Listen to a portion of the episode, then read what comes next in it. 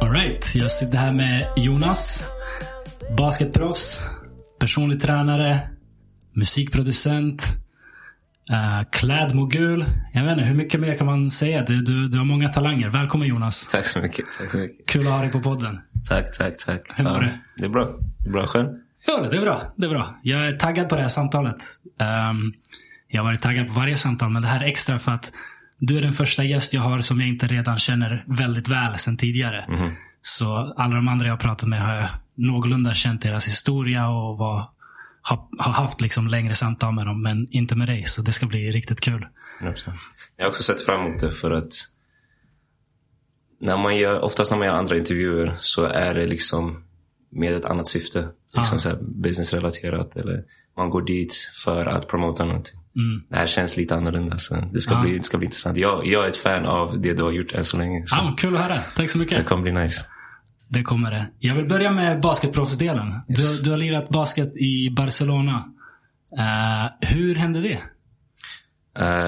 Ja, bara för att clarify, jag spelar inte för fotbollsklubb Barcelona. Jag spelar inte för klubben Barcelona, utan jag spelar i Barca. Mm. Eh, jag spelar i katalanska ligan, så Okej. det är en regional liga. Bara i Katalonien. Eh, så hur hände det?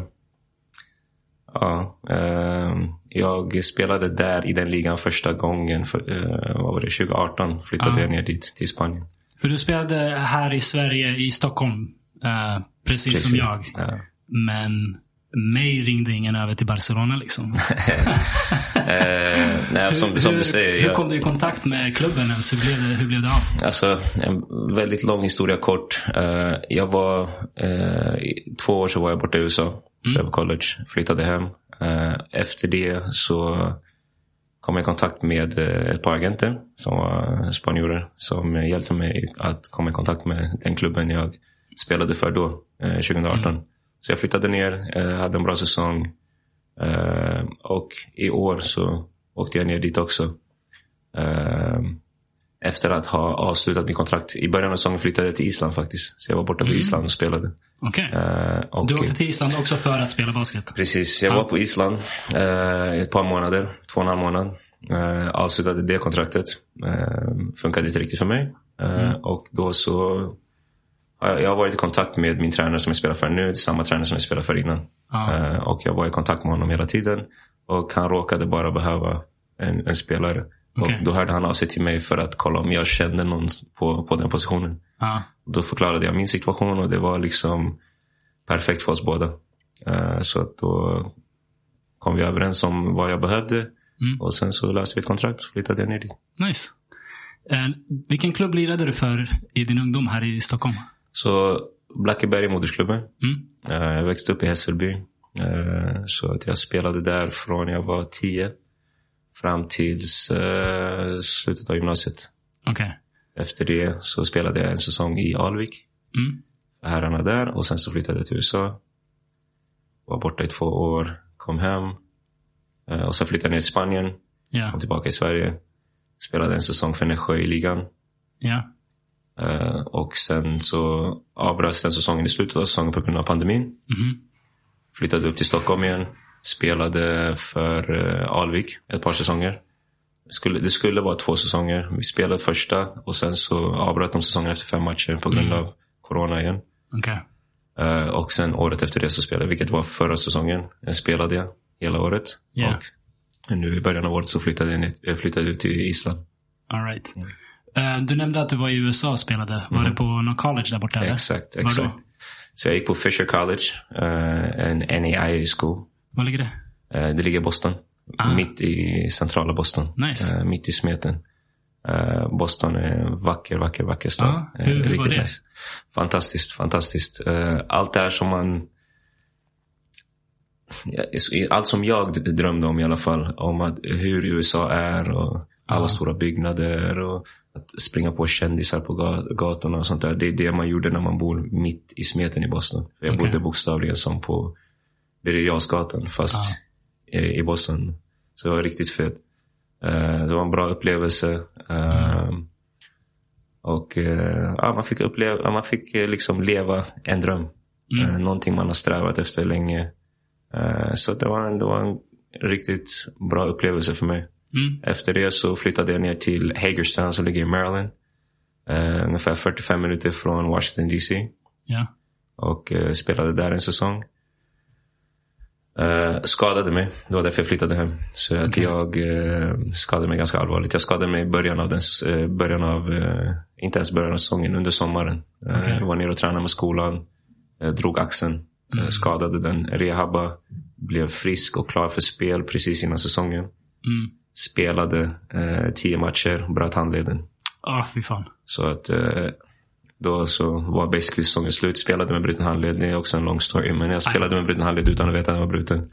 Utan de trodde det var en stukning. Mm. Eh, och sen så gick det inte efter ett tag. Mm. Och eh, sen så var jag tvungen att operera den. Och då sa ortopeden att det är lika bra att operera axeln för att den inte är hel. Det är så. Så då opererade jag både axeln och handleden. Okej. Och flyttade hem på grund av det. Ja, okej. Så du har spelat i eh, svenska ligan, högsta, högsta divisionen. Mhm. Eh, college i USA, eh, katalanska ligan i, i Spanien. Mhm. Av de här tre, eh, och Island då, av de här fyra, vilken, eh, vilken har högst nivå? Var har det varit liksom tuffast, svårast? Svårt att säga. Uh, högst nivå. Eh, jag spelar inte på den bästa skolan i USA. Så jag skulle säga högst nivå är väl svenska basketligan. eh, Om Okej. man kollar overall. Ja. Eh, men det är väldigt olika typer av basket. Alltså, första året i Spanien så hade jag en lagkompis som var alltså, inom citattecken avdankad. Men Okej. han hade spelat för, han spelat, spelat för Barcelona. Alltså Barcelona, fotbollsklubb Barcelona. I 20 år kanske. Spelat i ACB i tre säsonger, vunnit Euroleague med dem. Sen spelade han för andra laget. Ehm, två, två tio tror jag han var. Eh, riktigt bra, alltså riktigt smart. Eh, verkligen en rutinerad spelare. Så att man spelar med och mot spelare som är riktigt bra. Eh, men då är de oftast 30, 35, 40 år gamla och bara vill hålla igång. Ja. Men det är fortfarande riktigt bra basket. Men jag skulle säga, ja, svenska basketligan var väl den högsta nivån. Okej. Skulle jag säga. Ja, jag hade inte gissat det. Nej, de, man tror inte det. Eh, sen beror det på vart man har hamnat. Om du spelar på, som må- många andra svenskar gör, på de här topp division 1-skolorna i Mm. USA. Eller ute i toppligorna ute i Europa. Då kanske inte svenska basketligan är Okej. den bästa ligan. Men Ja. Eh, blev det någonsin uh, något spel med landslaget, Sverige? aldrig Eller- spelat med något landslag. Nej. Nej. Jag var på eh, tryouts för regionallandslaget när jag var som bäst way back. Eh, Så skickade de, eh, jag spelade också för Blackeberg då, så skickade de mig och två andra från laget till uttagning på, på för reg- region, regionlandslaget. Det första de gjorde på, gjorde på träningen, de skulle dela in lag, så de eh, satte oss i, i ordning från längst till kortast. Jag var längst bort. Längst bort där. ja, det brukar vara, det brukar vara sådär. Kortast av alla, det var så här 30-40 pers där eller någonting.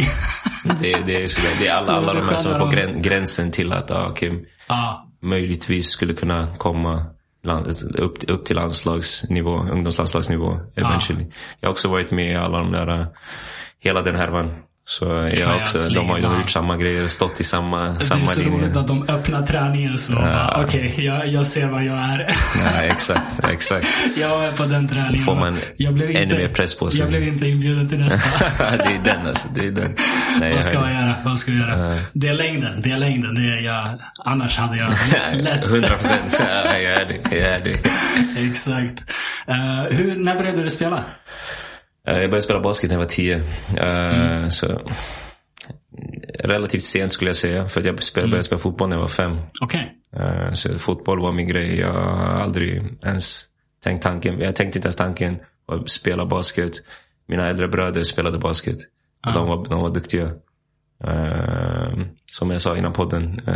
Vi bodde nere i Småland. Så min brorsa spelade för Atomics i Oskarshamn. Ja. Eh, och det var lite så att eh, när man gick i skolan och hade, vad heter det då? När man träffar skolsköterskan och gör kontroller när man är liten. Mm, hälsoundersökning. Ja, exakt. Mm. Det var då hon frågade mig vad gör du, vad gör du på fritiden? Spelar du någon sport? Och sa jag, men jag spelar fotboll. Ja. Det är min grej. Men Det var inte ens något snack om saken. Ja. Så man vill testa på något annat. Innebandy, basket. Och då sa farsan att ah, men hans bröder spelar basket. Ja. Och eh, då var jag liksom så här. Ah, eh, de bara, men kolla med Blackeberg. De brukar bjuda in alla spelare. Okej. Ja. Och eh, då gick jag på en träning. Och eh, då kunde jag redan spela basket på grund av att jag har varit runt mina bröder så mycket och varit Ja. på deras träningar. Så det kom ganska eh, lätt Mm. liksom, för mig. Jag hade inga, inga svårigheter när det kom till att dribbla bollen och kunna göra layups. Jag, det tog inte lång tid innan jag kom in i spelet. Mm. Och eftersom att jag var bra på det så blev det kul. Ja, det, det blir roligare Ja, mer, exakt. ju bättre det går. Exakt. Vad minns du eh, av uppväxten i Hässelby? Hur minns du den tiden? Uff, ja, det är jättemycket. Måste vara mer specifik men eh, mycket. Eh, för det mesta liksom, nu när du ställer frågorna först jag, jag tänker på är liksom dagarna man är ute och spelar fotboll på gården. Ute och cyklar. Eh, springer till Åkis för att köpa godis i videohörnan på baksidan. Eh, videohörnan kunde man hyra filmer så vi gick och hyrde VHS-filmer för att Nice. eh, kolla på filmer. Eh, Man går och knackar på, då var inte portarna låsta så man sprang in i portarna går och knackade på sina kompisar. Ah, vad gör du? Ska vi spela tv-spel? Ska vi ut och leka? Så Det är liksom, det är det som är det första som come to mind. När den goda minnen. 100 procent. Det är så stressfritt. eh, Åkermyntan pizzeria, är det Stockholms bästa kebab? Uff. Jag kanske är bias men det är, it's up there. Ja. Alltså, Ja, jag, jag tycker det. te, test, testa, testa mig. Alltså, jag vet inte Ja. vem, vem, vem som skulle kunna säga någonting annat. Jag har, inte, jag- jag, har, jag har testat många, jag har inte kommit, ingen har kommit i närheten av den. Rucola är riktigt bra. Mm. Eh, men det är också på vår sida. Så, Det, det är ju det. Man, man, alla älskar ju det de växte upp med. eh, Jag, jag har några vänner från Linköping som tycker att det är den bästa kebaben som finns. Jag kom ner och de, de lägger typ fetaost i och, Ja, och alltså massa det- random grejer. Men eh, det är disrespectful mot kebaben. It's so disrespectful.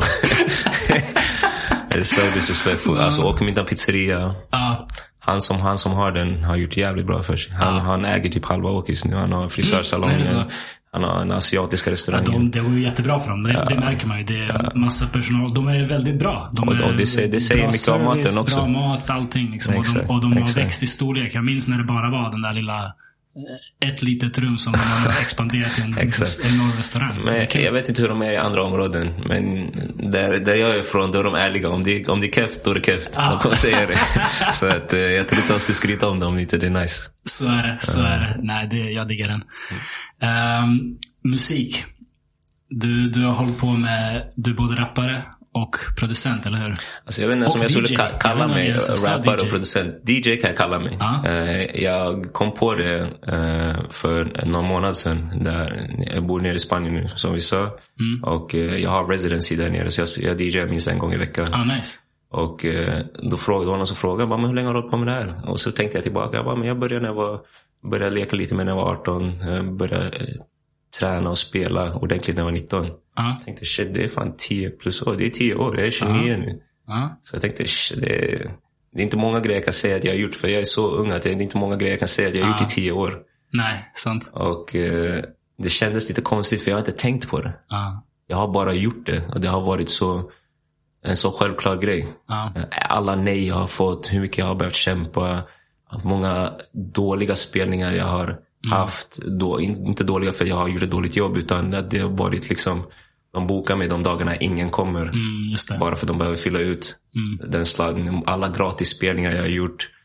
eh, alla spelningar som jag har gjort. Grat, eh, alla, alla spelningar som jag har eh, gjort på, på ställen som jag inte vill göra bara för att bygga ett namn. Liksom. Ja. Allt det där har gjort att jag har kommit så långt med det. Ja. Men ingenting jag har tänkt på. Om det var någonting, om det var ett jobb som jag skulle behöva göra i tio år som jag egentligen inte riktigt gillar. Ja. Det var bra betalt eller något annat. Då vet jag inte om jag skulle klara att hålla ut. Mm. För när jag sa att shit jag i tio år, då började jag tänka tillbaka. Fan jag kommer ihåg när jag började. Ja. Jag kommer ihåg när ingen ville komma, när mina egna vänner inte ens ville komma på spelningarna. Ja. Och nu är det liksom så att jag inte ens kan posta någonting utan att alla blåar upp min telefon för att de vill ha lista. Eller, så att eh, på så sätt är det nice. Inte för att jag är riktigt där jag vill vara med det än. Mm. Men jag har kommit ganska långt med det. Ja, Så. DJ kan jag absolut säga att jag är. Eh, att jag skapar musik, jag gör min egen musik. Mm. Eh, gör jag. Jag har gjort det ett tag, vilket du vet. Eh, men det är Mm. ingenting jag har släppt så. Men sen att producera och släppa musik med företaget har vi gjort. Mm. Så att jag, tekniskt sett så är jag en producent. Ja. Jag spelar inga instrument. Jag vet hur, hur man gör tekniskt för att eh, ja, prodda lite, eh, göra lite beats. Men inte tillräckligt bra för att kunna göra något som kan släppas. Men Okej. att sitta med en producent och förklara exakt hur någonting ska låta. Eh, skap, skapa någonting utifrån en idé. eh, Skissa upp någonting och få det till verklighet. Det kan jag göra och det är det jag har gjort. Allt som har släppts och allt som kommer släppas Mm. är jag som har skapat från grunden. Suttit med artisten, skrivit vissa av texterna. Vissa av texterna har artisterna skrivit själva. Så att, eh, ja, och det är väl det som definierar en producent. Om man tycker att eh, Diddy är en producent, om man tycker Ja. att DJ Khaled är en producent, om man tycker att alla de här är producenter. Ja. Då är jag också en producent, quote unquote. Men jag tror inte, det är därför jag reagerade i början när du sa det. Jag, jag har aldrig kallat mig själv producent. Så att, eh, det Dags att börja. ja, Släng in det på CV. exakt. Måste lägga till det. Vilket tycker du är det roligaste? Att, eh, Att- DJa, skapa eller eh, rappa själv? Vilket, vilket, är, vilket ger dig mest glädje? Svårt att säga. Svårt att säga. Jag är, om, om, om jag får vara lite cocky så är jag eh, bra, riktigt bra på att DJ. Så att det är svårt att jämföra det med det andra. Eh, Men sanningen som jag inte har berättat för många Mm. eh, och absolut inte i ett sånt här format eller i en public är att jag började ju DJa för att jag inte vågade. Om jag hade modet nog och självförtroendet Att för att stå egen på musik. scen och Mm. göra egen musik. Jag hade alla resources jag behövde. Jag kände människor som höll på med musik. Ja. Jag satt i studios med människor i ung ålder. Mm. Bara för att jag hängde på. Och jag tyckte det var kul. Och jag frågade om jag kunde gå. Men jag frågade aldrig om jag fick hoppa på ett track eller testa och Ja. stå framför micken. Även de få gångerna när folk bara, "Ah, rappar inte du? Ey, du ser ut som en rappare. Du har värsta swagger. Ey, ey, vem är den här unge? Ey, han, han är rolig. Eller om jag flikar in med någonting. Ey, det var fett nice. Vad är det där? Ey, testa. Ja. Jag bara, nej, nej, jag är basketspelare. Jag håller inte på med sånt där. Ja. Så det var mitt sätt att stå på scen. Eh, Det, det var mitt sätt att få göra det som rapparna gjorde utan att behöva eh, stå bakom micken. Mm. Ja, det är en annan typ av exponering. Det är liksom 100%. ens själ man, man lägger in i det. 100%. Hur känner du idag? Håller du fortfarande den? Finns det lite motstånd fortfarande eller är du mer bekväm idag? Det finns ingen motstånd. Okej. Eh, Det finns ingen motstånd. Eh, Nu tänker jag till för att jag eh, tänker väldigt mycket på eh, vad jag representerar. Mm. Eh, Dels för att jag vill eh, stå för någonting och jag står för någonting eh, specifikt. Eh, Så att jag kan inte representera vad som helst. Inte för att min musik är galen på något sätt alls. Ja. Men eh, det måste make sense eh, med allt annat jag gör. Okej. Eh, så att nu handlar det mer om att jag vill, om jag, om jag skulle släppa någonting. Mm. Så skulle jag släppa någonting som representerar allt, allt annat jag gör också. Och vad är det då? det är det som Top Underdogs representerar.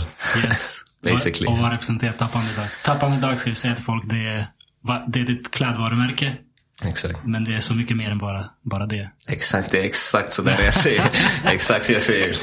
Det är streetwear brand men det är mycket mer än bara kläder. Det är exakt så jag sammanfattar det varje gång. Ja. Eh, så vad är top underdogs? Om man bara kollar på ordet top underdogs eh, så har jag lekt med ordet. Det är en underdog på topp. Ja. Eh, en underdog. eh, jag, jag hörde någonting för inte så länge sedan på en annan podd.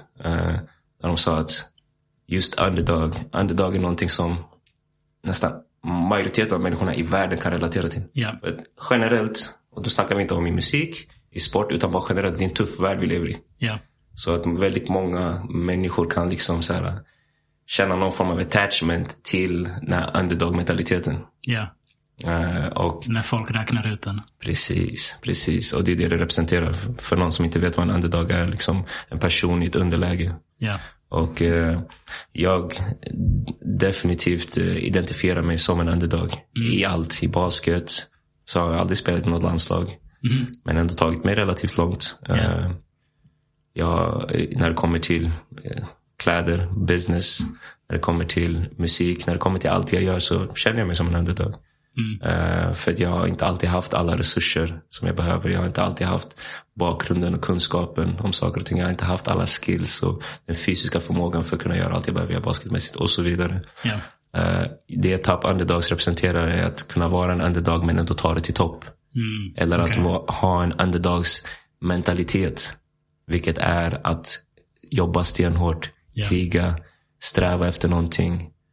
Men samtidigt kunna tänka som en top dog. Vilket är motsatsen. Kunna känna sig självsäker. Kunna känna sig stolt över sig själv. Kunna känna sig som the one. Ja. Och det är lite det det representerar. Eh, så att uh, vad är det jag gör i företaget, min nisch, är liksom att kunna förmedla det genom kläder. Okej. Eh, det var, uh, vem var det som sa det? Nu kommer jag inte ens ihåg vem det var som citerade det. Men de sa att the, the, the truest way to express yourself is through fashion. Mhm. Och då så började han break it down och förklara vad han menade. Och jag kunde relatera till det så mycket för att om man kollar på alla människor, om man kollar på hur jag klär mig idag, hur jag flätar mitt hår, eh, hur jag bara bär mig själv. Ja. Eh, och sen kollar du på hur du klär dig. Och sen kollar vi på en tredje person. Det säger väldigt mycket om personens personlighet. Mm. Vad personen representerar, vad personen står för. Eh, kanske vad personen lyssnar på för musik. Ja. Kanske vad personen har för intressen på fritiden och så vidare. Om du går runt med en Barcelona t-shirt, Ja. most likely så är det ditt favoritlag. Mm. Så att eh, det är verkligen så här, fashion är en del av din identitet. För du väljer ju själv vad du ska ta på dig och inte ta på dig. Som, Ja. som vuxen, om inte du är ett litet barn. Självklart. Eh, och eh, därför så försöker jag sprida ett positivt message och ett inspirerande message genom kläderna. Så det är min, min lilla nisch i det jag håller på med. Nice. När började det här konceptet Top Underdogs formas? Hur länge har du Officiellt, tänkt på det? officiellt så, så började jag 18 september 2016. Okej. Så det var officiellt. eh, Du har jag hållit på med det här också ett tag? hållit på med det här ett tag. Så Ja. Konceptet startade då. Eh, Och eh, återigen, då var det väldigt mycket mer än bara kläder. Det var inte ens kläder i fokus. Så det Mm. var konceptet Top Underdogs. Ja. Eh, Och då jobbade jag, eh, då hade jag flyttat hem, precis kommit hem från USA. Och var skadad, opererat axeln och handleden som jag sa.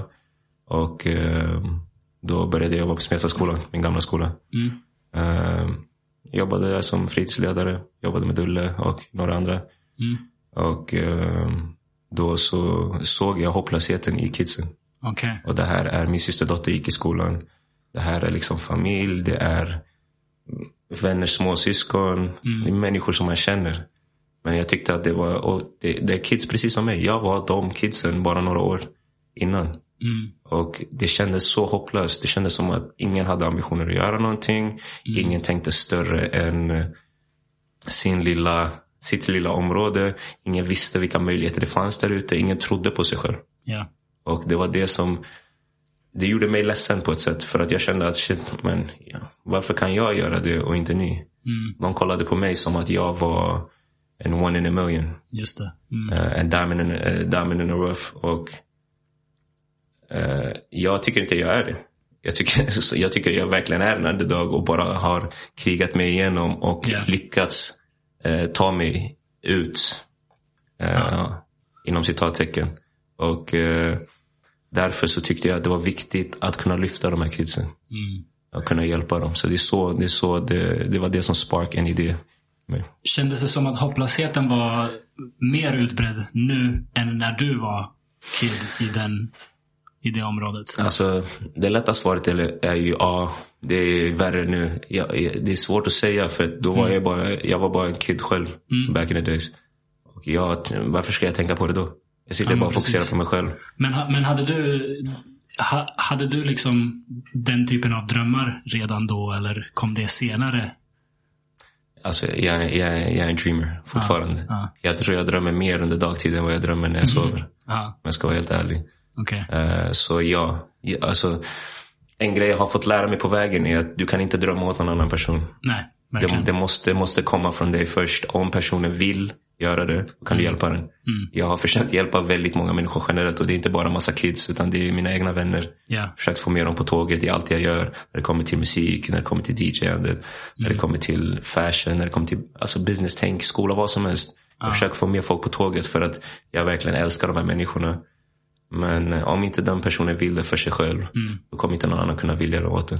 Hade du förebilder när du var liten som, ja, som kan liknas vid det du gör med Top 100 Dogs nu för, för kidsen? Eh, hade jag förebilder? Absolut. Hade jag förebilder i min närhet? Eh, som, jag hade förebilder i min närhet, absolut. Ja. Hade jag förebilder som gjorde det jag gjorde i min närhet? Eller det jag gör i min närhet? Eh, nej, det skulle jag inte säga.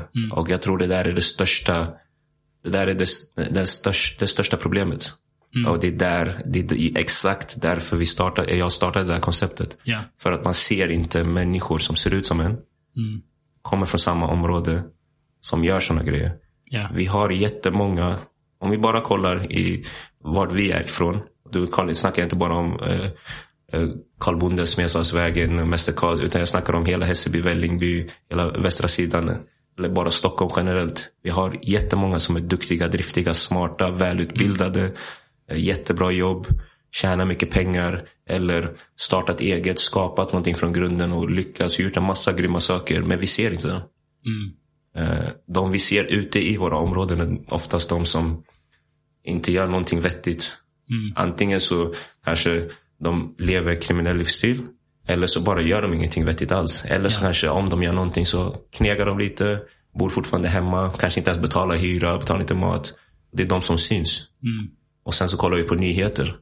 Nyheterna och då ser vi absolut inte det. Ja. Och sen så kollar vi på tv och kollar på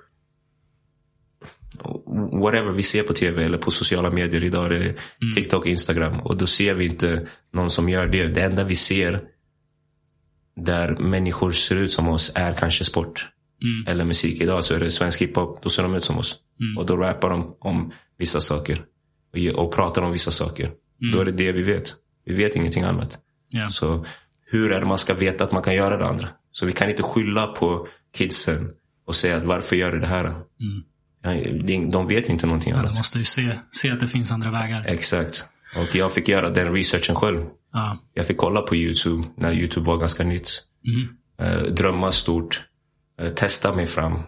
Och jag har inte gjort eh, all, Jag har inte gjort de bästa valen när det kommer till att välja vilket lag jag ska spela för eller vilken skola jag ska spela för. Jag har gjort bra val i mitt liv Ja. och för mig själv. Och inget negativt på det sättet. Men om jag kunde göra om det skulle jag gjort saker och ting annorlunda. Jag och eh, min vän som jag flyttade till USA med diskuterade det här för ett tag sedan. Vi visste inte att vi skulle välja just den skolan som vi valde utan vi valde bara Ja. en skola utifrån vad som såg bäst ut. Men vi hade ingen som guidade oss. Så att okej, men vad ska man tänka på när man väljer skola? Ja. Vad ska man tänka på innan man åker dit? Hur ska man förbereda sig? Så att allt det här existerar inte i områdena som vi växer upp i. Ja. Och eh, då är det väldigt svårt för kidsen att eh, kunna göra de grejerna. Vi har inte lärare som ser ut som oss. De förstår oss till en viss nivå, men inte fullt ut. De har inte växt upp på vårt sätt. Jag förstår kidsen. För att jag har växt upp på samma sätt. Jag har föräldrar med liknande bakgrund, eller exakt samma bakgrund om det är kids som är eritreaner. Jag vet vad de går igenom. Jag vet vilket, vilka problem de går igenom i samhället. Jag vet när, när man åker på stadsvandring och orienterar och, och åker in till stan. Då, se, då ser man annorlunda ut. Ja. Och, och jag, jag vet hur det känns att vara liten och prata med, med slang.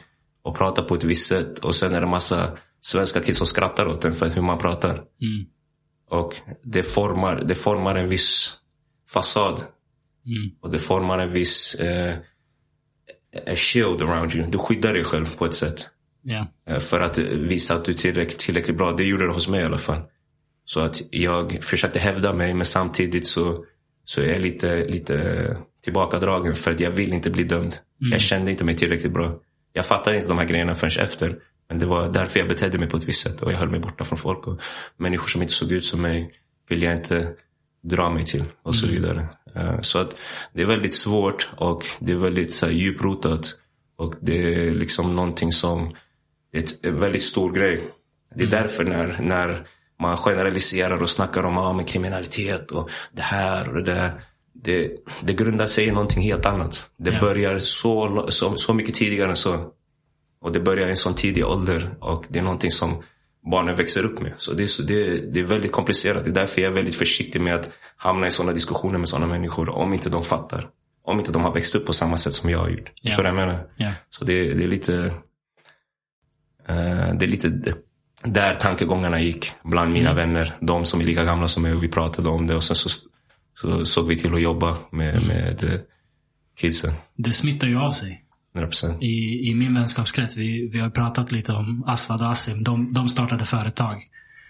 De inspirerade mig att starta Förlåt, företag. kära Assam Asfi. Äh, äh, äh, äh, Definitivt. Asim Asfat. De är, jag har så mycket kärlek för dem. Jag vet att de kommer lyssna på din podd. Ah. Jag säger det i alla andra intervjuer och sånt där. Jag brukar ge dem shoutouts. Men jag har så mycket är kärlek för dem. Och I really owe them for life. För att de har verkligen...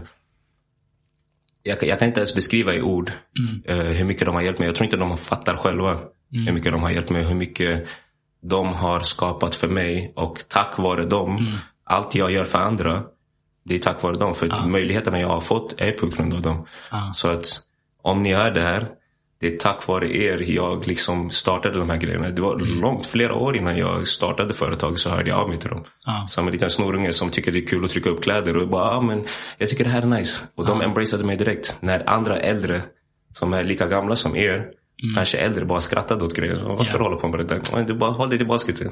Nej, vad är det med det? Tror du han blir businessman plötsligt? Exakt. Förstår du vad jag menar? Så det är verkligen så här, jag kan inte, Ja. ord kommer inte kunna, words is not enough för att tacka dem för allt de har gjort. Men, ja, Ja, men det fortsätt. är 100% samma här. Jag hade inte startat eget om det inte var för de två.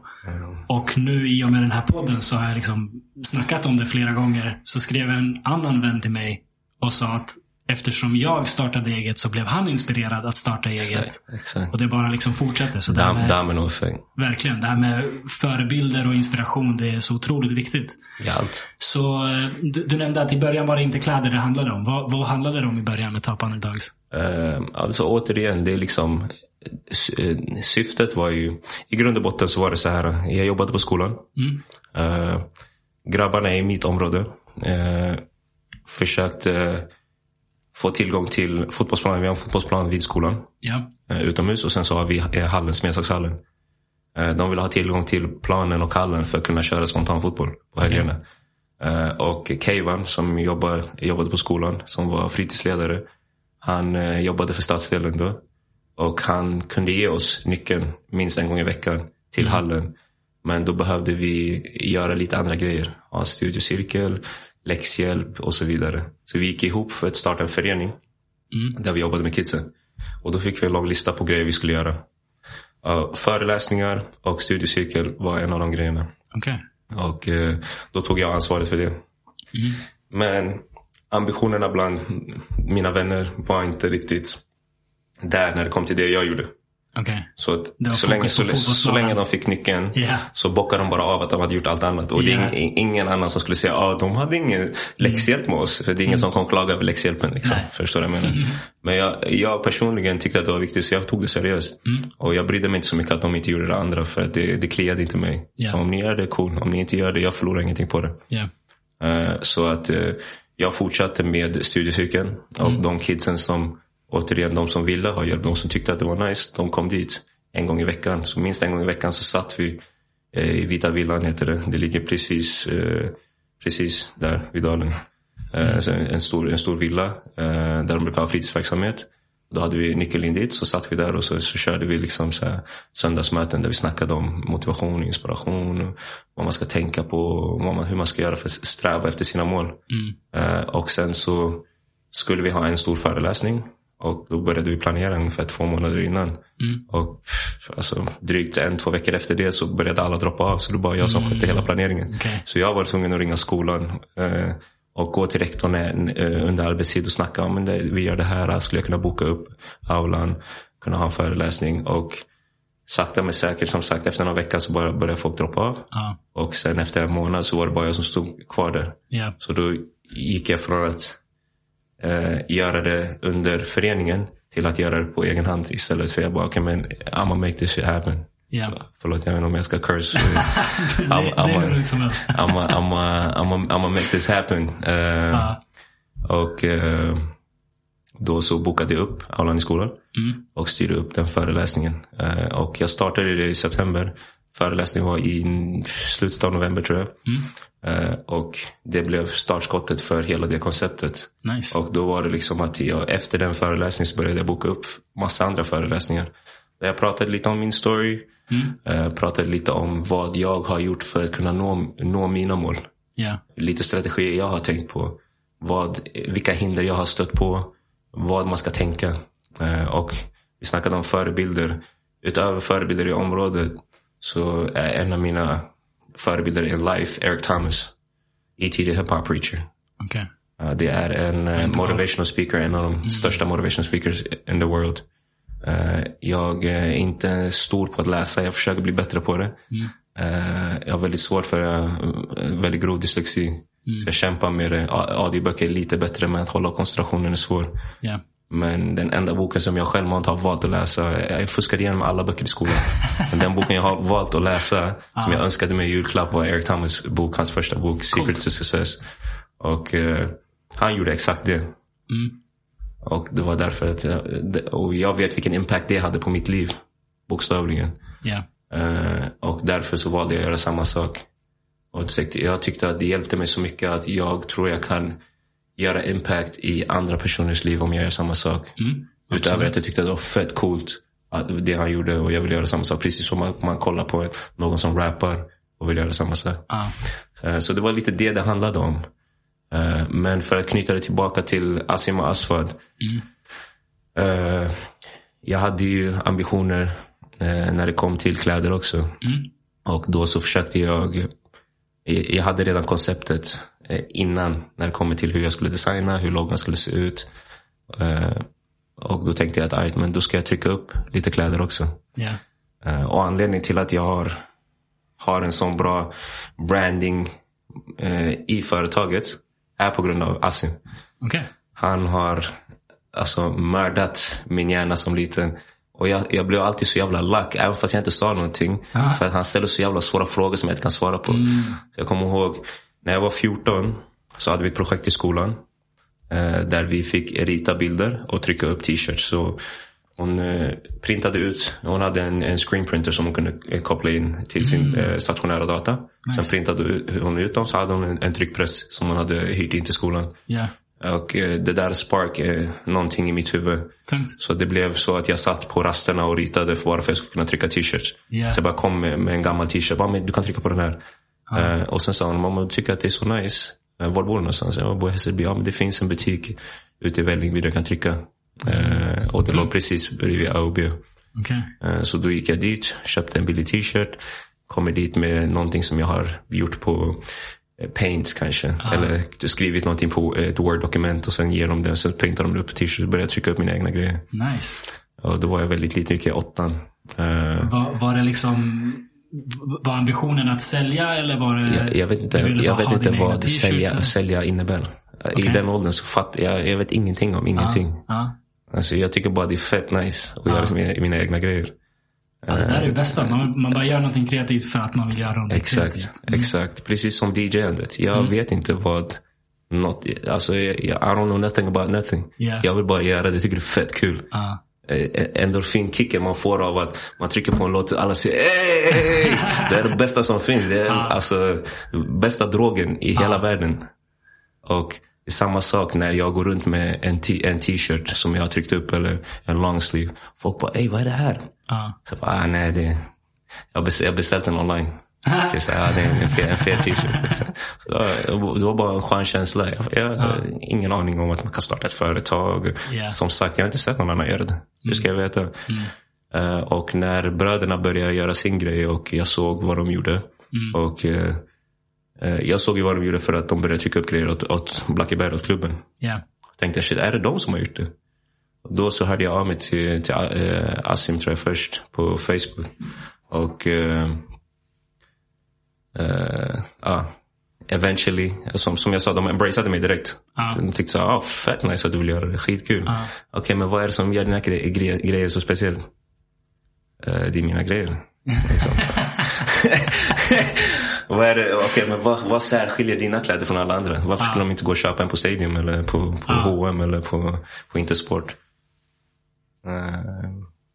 Uh, jag vet, uh, jag vet inte. Ja. Och du vet, då ställer han, alltså, det är brandingfrågor i grund och botten. Absolut. För det är det business handlar om. Ja. Jag vet inte, alltså branding, alltså fråga inte mig vad branding är. Fråga inte mig vad business är. Jag vet inte vad business är. Jag vill sälja kläder, punkt. Ja. Det är ingenting att... Allt, allt det andra, eh, fråga inte mig om det. Hur säljer jag kläder? Ja, ja, ja. Ja. Och jag fattar inte de grejerna. Så jag säger, han bara, ah, ah, på, på ett jätteödmjukt sätt. Mm. Och på så här pushande sätt. Ah, men tänk på det där och, och ring mig. Och sen så tar det kanske två månader. Typ så. Mm. Jag vet inte vad jag ska säga. Så här, sen så hör jag av mig till honom igen. Och sen så bara, pff, fett nice. Det är skitnice. Ah, okej. Skit, skitglad, skit så här, excited över vad jag säger. Och sen så ställer han någon fråga igen. Och jag säger, the fuck, jag vet inte liksom. Jag vet inte vad jag ska svara på det.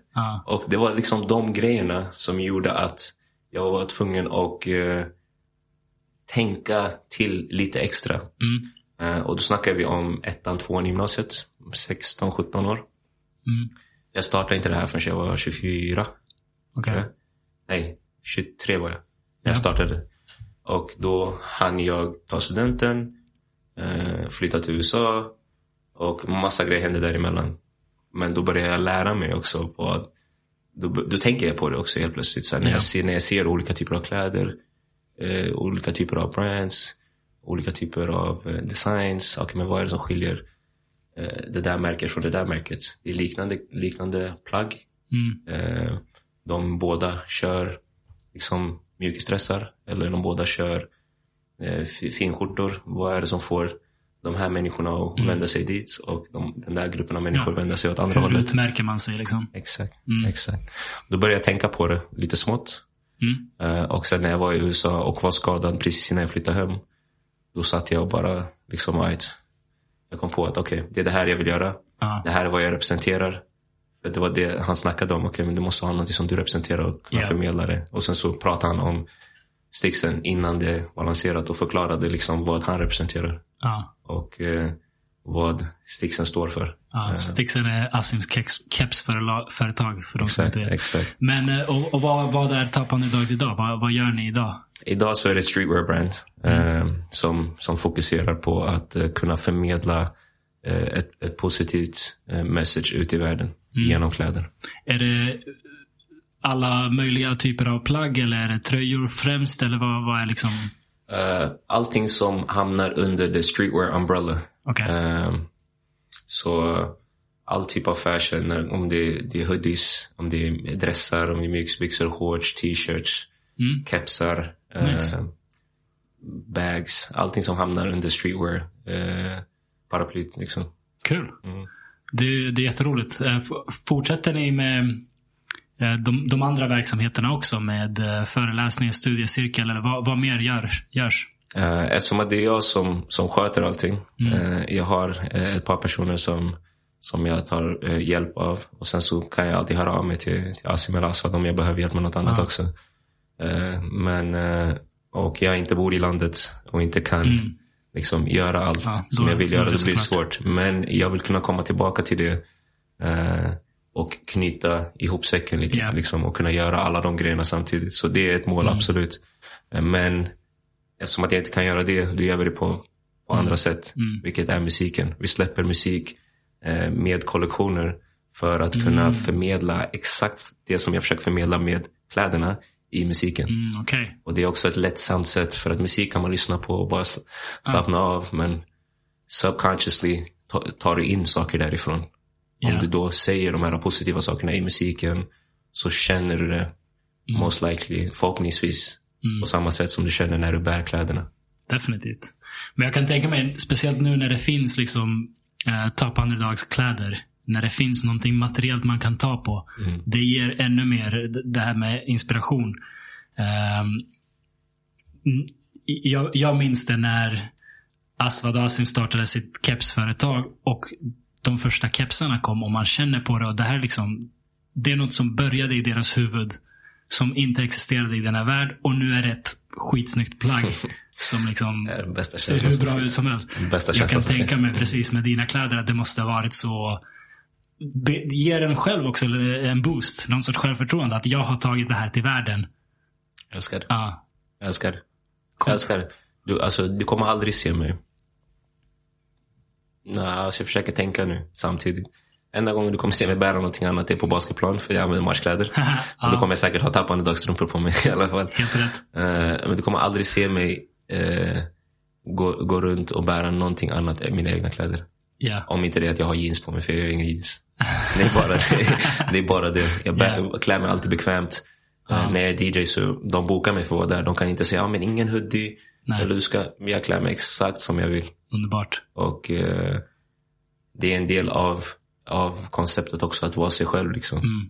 Var unik, var dig själv. Och det är det jag representerar. Återigen när vi pratar om musiken och vad jag representerar. Var, var dig själv. Och eh, den bästa känslan. Jag går runt med min, med min, eh, min custom made jacka på, Mm. på, på Arlanda nu när jag, när jag flög hem precis. Nice. Och det är folk som följer mig på Instagram som har skrivit till mig. Okej. Jag fattar inte att det är dem. Jag kliver Ah. av planet, skittrött. Eh, var tvungen att ta nattbussen till flygplatsen så jag har inte sovit någonting. Kunde inte somna, Ja. sova på planet. Jättemycket turbulens. Så jag är helt förstörd. Kliver av planet. Och så går jag så här. Så ser jag bara hur folk stirrar på mig. Mm. Men jag bara, jag, jag, alltså, jag gjorde inte en grej av det. Jag bara fortsätter gå. Och sen så säger de att jag har mina hörlurar på mig så jag har ingenting. Ja. Så säger de att så här med hörlurar. Och när jag tar av mig hörlurarna och kollar då känner jag igen honom. Jag har sett dem på, på Instagram Mm. förut. Okej. Jag bara, hur mår du? Är det bra? Kul att se dig. De bara, uff, jag älskar dina grejer. Nice. Och du vet den där responsen, det är så liten grej men den där responsen är allt. Det är Alla de här mycket. kvällarna du sitter uppe för att saker och ting eh, fuckas med leveranser, Mm. eh, produktion, saker och ting som blir fel. Ja. Jag kan absolut inte allting. Så när man gör grejer fel med kodning på hemsida, alltså vad, vad det än kan vara. Ja. Allt det där är värt det. Så fort du får den där lilla responsen. Allt Ja, är värt verkligen. Verkligen. Så att eh, det där är allt. Det där är allt. Att kunna ha en idé. Eh, när det kommer till musiken också. Ha en idé. Mm. Och sen verkligen eh, sätta sig och jobba Mm. på det. Skapa hela grejen. Släppa det. Se responsen. Det är allt. Du nämnde att du hade idéer för ditt varumärke och vad du vill ha på t-shirten. Så hur skapar du dina idéer? Skapar, sitter du och ritar tills någonting kommer upp eller har du det i huvudet från början och sen försöker rita fram det? Eller hur, hur liksom funkar din kreativa process? Det är en fett bra fråga. Det är en fett bra fråga. För jag har inte ens tänkt på det själv. Jag har, jag har ingen struktur. Som Okej. sagt, jag är en daydreamer. Mm. Eh, jag vet inte om att det är en vanlig grej. Men jag tror verkligen jag drömmer mer när jag är Mm. vaken än... eh, för jag, jag, jag är inte en sån person som drömmer så intensivt när jag sover. Om inte det är en intensiv period och jag har mycket i huvudet. eh, då är det bara ångestfyllda drömmar. Ja. Eh, men alltså, jag tänker liksom att det här skulle vara snyggt, det där. Kanske får inspiration av någonting jag ser. eh, och bara testa mig fram. Jag har, jag har inte, jag, skulle inte, jag kan inte svara på det för jag har inget, in, inte ett sätt att göra det på. Det är så många Okej. olika sätt. Vissa grejer har jag skissat fram. Ja. Vissa grejer har jag testat mig fram. Vissa grejer har jag suttit och sytt ihop själv och testat om det funkar. Mm. Eh, mina custom pieces, den tröjan jag har på mig idag. Det är liksom, jag har, sutt, jag satt med en, en flaska eh, klor och sen så satt jag och bara, men vad kan jag göra med den? Så sprayade jag lite. Jag skulle Okej. göra en tie-dye men jag vill inte göra det på samma sätt som folk gör vanliga tie-dyes. Mm. Så jag gjorde jag på ett annat sätt. Tog en sprayflaska och så började jag spraya på den och, och lekte lite med den. Ja. Sen så blev det jävligt bra. ja. Den är Så skitnice. att, eh, tack så mycket. Så att eh, jag har inte ett sätt att göra det på. Okej. Eh, så svårt, svårt att säga. Kanske, kanske eh, unorthodox att göra det på det sättet. Mm. Eh, kanske är bättre att göra det mer strukturerat. Men eh, för mig, eftersom att jag sköter allting själv och Ja. jag är the decision maker så är det lättare att göra så. För det är så min hjärna funkar. Alla har sin kreativa process. Det funkar det för dig så funkar det. Liksom. Exakt, det funkar ju för mig obviously. Ja. Eh, så, ja. Nice. Du nämnde att ni eh, släpper musik tillsammans med ehm, kollektion Och Drobbar. alltså vi spelade in värsta låten igår alltså. Är det så? Alltså värsta Är det låten. så? Ja, värsta, låten. värsta låten. Den kommer komma snart. Nice. Den, var, den var räckad innan men vi var tvungna att re-record it. Alltså värsta låten. Kan du säga något om kollektionen den droppas med eller? Ja, 100 procent. Ja. Eh, konceptet eh, är eh, kärlek. Ja, vi har fyra pelare som vi står under. okej. Dream, unique, endurance and love. Så det, det, jag, tänk, jag, tänker, jag tänker på det som ett bord. Eh, och det här, återigen, egentligen så grundar, grundar allt det här sig i det som Assim lärde mig tidigt. Ja. Så, och det, det var det jag var ute efter. Och när han pratade med mig om liksom affärsplan och vad en affärsplan är. Och, och hur man behöver sina pelare för man alltid ska kunna, kunna vända sig tillbaka till eh, det. För att kunna veta hur man ska strukturera allting. Ja. Och han är typ den mest strukturerade människan jag har, jag har pratat med någonsin. För att han kan liksom visa hela sitt liv. Eh, från liksom idag och framåt. och jag älskar det. Jag önskar jag var sådär strukturerad. Ja. Eh, och eh, de fyra pelarna, att kunna drömma Mm. är skitviktigt. Ja. För att jag vet vad det har gjort för mig. Om inte jag kunde drömma så här mycket som jag drömmer. Eh, du kan kalla det vad du vill. Drömma, ha en vision, sträva efter någonting. Kalla det vad du vill. För mig det är det samma sak. Ja. Okej? Du behöver kunna göra det. För om inte du gör det, då kommer du inte kunna sträva efter någonting större. Enligt mig. Mm. Eh, var unik. För om du hela tiden strävar efter att vara som alla andra, varför ska de ta dig då? Ja. Om du strävar efter att, jag, att din podd ska vara precis som alla andras poddar, varför ska de lyssna på dig? Det måste vara någonting som särskiljer dig. Återigen, branding. Ja. Så var unik. Men stay yourself. Varför ska du gå och försöka vara någon annan? Du är dig själv. Du, du, ingen, ingen annan är som dig. Eh, och endurance, du vet. Ha uthållighet. Fortsätt. Fortsätt, fortsätt. Det här har absolut inte varit en dans på rosor. Ja. Eh, Det har varit eh, jävligt mycket huvudvärk alltså. och att man Kan går igenom grejer konstant. Jag är i Sverige nu för att jag skulle ha eh, lanserat någonting egentligen. Mm, okej. Så att det, det, säger, det säger allt. Ja, jag kan tänka mig. Jag, jag jobbar ju bara med, vad ska man säga, ord och, och, och digitala, jag menar inte ens varor, digitala tjänster. Mm. Och bara där krånglar det. Men jag kan inte föreställa mig huvudvärken med fabriker och, och 100%. materialleveranser. Och, Exakt. Och om man då inte har en bakgrund inom business, ja, inom eh, e-handel, inom fashion och design, inom eh, alltså, produktion. Om jag, jag har ingen bakgrund inom något, det där. Ja. något av det. Jag kan studsa en boll, skjuta. Jag kan, okej, vilket anfall ska du spela i slutsekunderna för att kunna, jag, jag kan det där. ja, Och sen är jag jävligt bra på många små grejer. Men när det kommer till business, det har aldrig varit min eh, starkaste sida. För jag har ingen bakgrund inom det. Men jag är ganska bra på det ändå. Har jag märkt nu. mm, Men jag stöter på jättemycket problem. För att jag inte tidigare har någon bakgrund inom det. Jag, vi- jag visste inte att eh, väldigt många saker existerade ens. För, för att Ja. jag inte har pluggat eh, pluggat eller eh, stött på det. Så att det, det, det får bli en del av det. Jag lär mig på vägen. ja. Eh, och det, det, det snälla sättet att säga att det har varit helvete liksom. Ja. Eh, ja, men det kan jag tänka mig. Trial and error. Liksom. Man, man försöker. Like a och, motherfucker. Alltså. Ja. Alltså, det är sjukt. ja, men det som, But- det ja. som får mig att känna att jag gör rätt sak är att jag känner inte att okej, det fuck det här. ja, Jag har aldrig känt fuck det här. Ja. Det är bara så här, fuck den personen som fuckade upp det men Ja. I gotta figure shit out. Det är mer så. Eh, Okej. Så då gör jag, gör jag obviously något, något rätt. Och någonting som jag, jag vill göra. Precis så som DJ-andet. Alla nej jag har fått. Eh, alla gånger folk eh, ignorerar, eh, ignorerar mig när jag hör av mig för bokningar. Det är samma personer som bokar mig regelbundet. Förstår du vad jag menar? Och nu är allting smooth. När jag flyttade ner till Spanien, jag behövde inte sälja in någonting. Jag gick till stället som jag har residency på. Tio minuter in. Jag pratade med dem bara, "Hej, jag är DJ från Sverige, bla bla bla. Mm.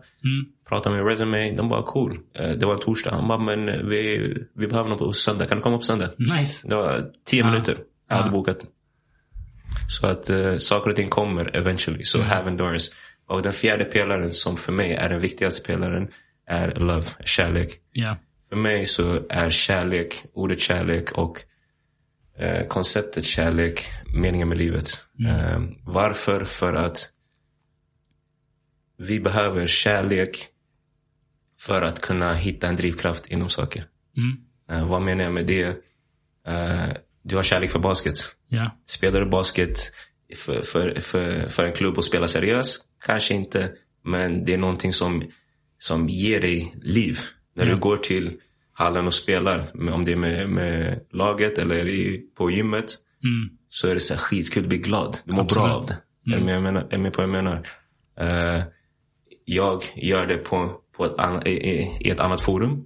Men jag känner samma typ av kick. Mm. Samma sak som jag känner när jag, när jag DJar. Det är därför jag inte släpper det när jag har de här motgångarna. Precis på samma sätt som jag inte släpper företaget. Eh, och sen också kärlek till eh, dina föräldrar, till dina syskon, till din partner, till dina vänner. Och jag tycker att det, allt det där är kärlek i olika former. Ja. Och eh, det är min definition av meningen, för, meningen av livet. För när du tappar den här kärleken, då vill du inte vara med de här människorna längre. Mm. Då vill du inte hålla på med den här sporten längre. Du vill inte hålla på med det här jobbet längre. Ja. Och så vidare. Och därför är det en så viktig grund i företaget. Att kunna sprida kärlek till andra. Eh, kunna pusha människor till att eh, jaga det som ger dem kärlek. Betyder det att de måste hålla på med någonting som de älskar? Nej, men det kan vara någonting som ger dig kärlek samtidigt som du håller på med att, att jobba med det där jobbet som, som försörjer dig Ja. och så vidare. Och den här kollektionen kommer eh, handla om det. Eh, det är det det handlar om. Eh, att sprida mer kärlek. Eh, Förstå vikten av eh, kärlek och vad det ger oss i livet. Mm. Eh, för att sammanfatta det ganska, ganska kort. Fett. Jag, jag har tänkt på det där mycket med kärlek. Eller mycket och mycket, men jag vet att jag först på senare år med mina, eller inte senare, men, säg senaste tio åren med mina närmsta vänner har kunnat prata om kärlek på ett sånt sätt. Ett, ett blottande sätt liksom. När man växer upp, jag vet inte, det, du kanske kan relatera till det. Man, man, man vågar inte riktigt. Jag, kanske mest som, speciellt som kille, jag vet inte om det, om det är så, men det känns som att det är lite enklare för tjejer att vara eh, prata om känslor på, på, på det sättet när de växer upp. Ehm, men när man väl liksom släpper de där hämningarna så, så öppnas en helt ny dimension i, i relationer. Mm. Ehm, är det någonting du känner att du har fått med dig från, från familjen? Liksom det här fokuset på kärlek. Har du haft det sedan barnsben eller har du liksom upptäckt det på senare tid? Jag älskar att du var från familjen. Jag, kom, jag kommer från en sån här... eh, Alltså jag tror, jag tror väldigt, många, väldigt många som har samma typ av bakgrund kommer från samma typ Okej. av hushåll. Men kommer från en familj där pratar om allt förutom det. Mm, okej, okej. det, det är det sista. Du pratar inte om känslor. Ah, Du pratar inte om kärlek. Ja. Utan du pratar om det som ska göras. Du ska vara duktig i skolan. ja, Du ska ja. sköta dig. Du ska göra si, du ska göra så. Kärlek och känslor, så där, vi har inte tid. Farsan liksom, kommer hem, har jobbat hela dagen. Mm. Kommer hem, ska äta sin mat, kolla på TV. Du vet, det hårda, visar inte känslor. Eh, alltså, en tråkig sak som hände för att förklara hur hård min farsa var. Mm. Det var när eh, hans syster gick bort. Och han sitter hemma och min syster ringer mig för att säga att hon har gått bort. Och eh, där innan jag flyttade till USA, jag åker hem. Och då sitter han där med sina vänner och han sitter och gråter. Och jag hör han gråter i vardagsrummet. Och sen när jag kommer in så torkar han sina tårar. Och sen så hälsar han på mig på ett sätt som han inte, så han hälsar inte så annars. Men det var lite så bara hej. Han säger så bara typ ah, på tigringen så bara ah, min son, hur mår du? Är det bra? Krama mig sådär, gå in i rummet. Vet du? För att han inte ska visa sig sårbar. ja, ja, ja. Så om någonting så är det, någon, är det något vi inte har visat. Man ska inte visa sårbarhet. Okej. Man ska inte visa känslorna på det sättet. Tyvärr. Jag önskar det var lite mer så. Mm, mm, För att det, det där har byggt upp någon form av fasad hos mig också. mm. Eh, så jag kan, jag har blivit mycket bättre på det med tiden. För jag vet att jag aktivt behöver jobba på det. Mm. Men eh, jag har också varit, haft svårt att visa mig sårbar. Så istället för att visa mig sårbar eller visa att jag blir ledsen. Så blir man arg. Mm. Eller frustrerad. Eller du vet, stänger ut eh, människor eller isolerar sig själv. Ja. Eh, min mamma är väldigt eh, känslo, känslomässig. Eh, liksom investerad, eller vad man säger. Liksom Hon är in her feelings a lot. Men Ah. hon pratar inte med oss om det på det sättet. Okej. Så hon kanske pratar om vad hon har gått igenom. Ja. Men sen pratar hon inte om kärlek för sig eller pratar om pratar med oss om kärlek på det sättet. Så nej, för att svara på din fråga. Mm. Eh, men eh, jag tänker väldigt mycket och det är någonting som jag tänkte på ganska tidigt. Och eh, sen så är jag yngst av sex barn också. Så jag har sett hur det har påverkat mina äldre syskon. Ja. När det kommer till relationer, eh, till deras familjer och så vidare. Och alla är så, jag, jag är 29 nu så att alla är mycket äldre. Mm. Så att jag ser hur det har påverkat dem. Ja. Och därför har jag fattat att okej, där är en viktig grej. Mm. Det är en viktig grej att prata om. Och det är en viktig grej här i livet. För att det är så vi förökar oss. Ja. Om inte, bara den lilla grejen att om inte vi hittar en partner Mm. och kan reproduce och ha barn. Då hur ska vi liksom Mm. föra vidare generationer? Det är Mm. liksom, det, det är i grund och Det, botten. det går utan kärlek, men det är inte optimalt. ja, det är facts, det går utan kärlek. Det är sant, det är sant. men det, det är inte det bästa sättet. det är inte det bästa sättet. Men då skulle det inte vara någonting man skulle vilja göra tror jag. Nej, nej. Nej, jag är med dig. Men uh, vad fett att du liksom på egen hand ändå insett värdet av det här och att Mm. Du säger du, du är inte så bekväm men du, du öppnar upp dig väldigt mycket här och nu. Och Det, det är för att jag har varit så obekväm och så tillbakadragen att jag har varit så här. äh, "Va- Vem är det jag bryr mig om egentligen? Exakt. Förstår du vad jag menar? Mm. Missförstå mig inte. Jag tänker, övertänker och tänker väldigt mycket på det Ja. fortfarande. Men, men sen är jag också så här, I don't give a, I don't give a fuck. Ja. Förstår Ja. du? Verkligen så här, För att, vem är du att säga någonting till mig? Ja. Vem är hon eller han eller Pelle eller Lisa eller Ahmed eller Mohammed, whoever, Ja. att säga någonting till mig Ja. och lägga någon värdering på mig. Jag vet att jag är pure som människa. Du kan döma mig hur mycket du vill. Eh, du kan döma mig för hur jag ser ut, hur jag pratar, whoever. Jag vet att jag är pure. Mm. Jag har inga ill, ill intentions. Om du visar mig kärlek och respekt, jag kommer visa dig 200% kärlek och respekt tillbaka. Mm. Och vice versa. Ja. Eh, om du visar mig någonting annat så kommer du få samma sak tillbaka. Det är bara det. Så att på grund av det, I'm, I'm saying that to say, jag eh, tar inte folks åsikter to heart på samma sätt som jag gjorde förut. Ja. Och jag har fattat att none of this shit matters. Speciellt idag när vi lever på sociala medier. Och jag är en sån person som, jag, I live life in real life. Ja. Jag lever inte på sociala medier. Även fast jag är aktiv på sociala medier för företagets skull. Mm. I, could, I couldn't care less about it. Ja. Jag bryr mig inte om något det där. För jag vet att allt det där är fake. Mm. Inget av det där betyder någonting. Jag vet att på stunden när jag har mått bajs så sitter jag aktiv. Och folk skriver you live a life. Eller jag Ja, kanske postar exakt. bilder när jag är... Ingen ser mig. Majoriteten av människorna vet inte att jag är i Spanien. Mm. För de vet inte. Jag sitter inte och postar om, om mitt riktiga liv på sociala Ja. medier.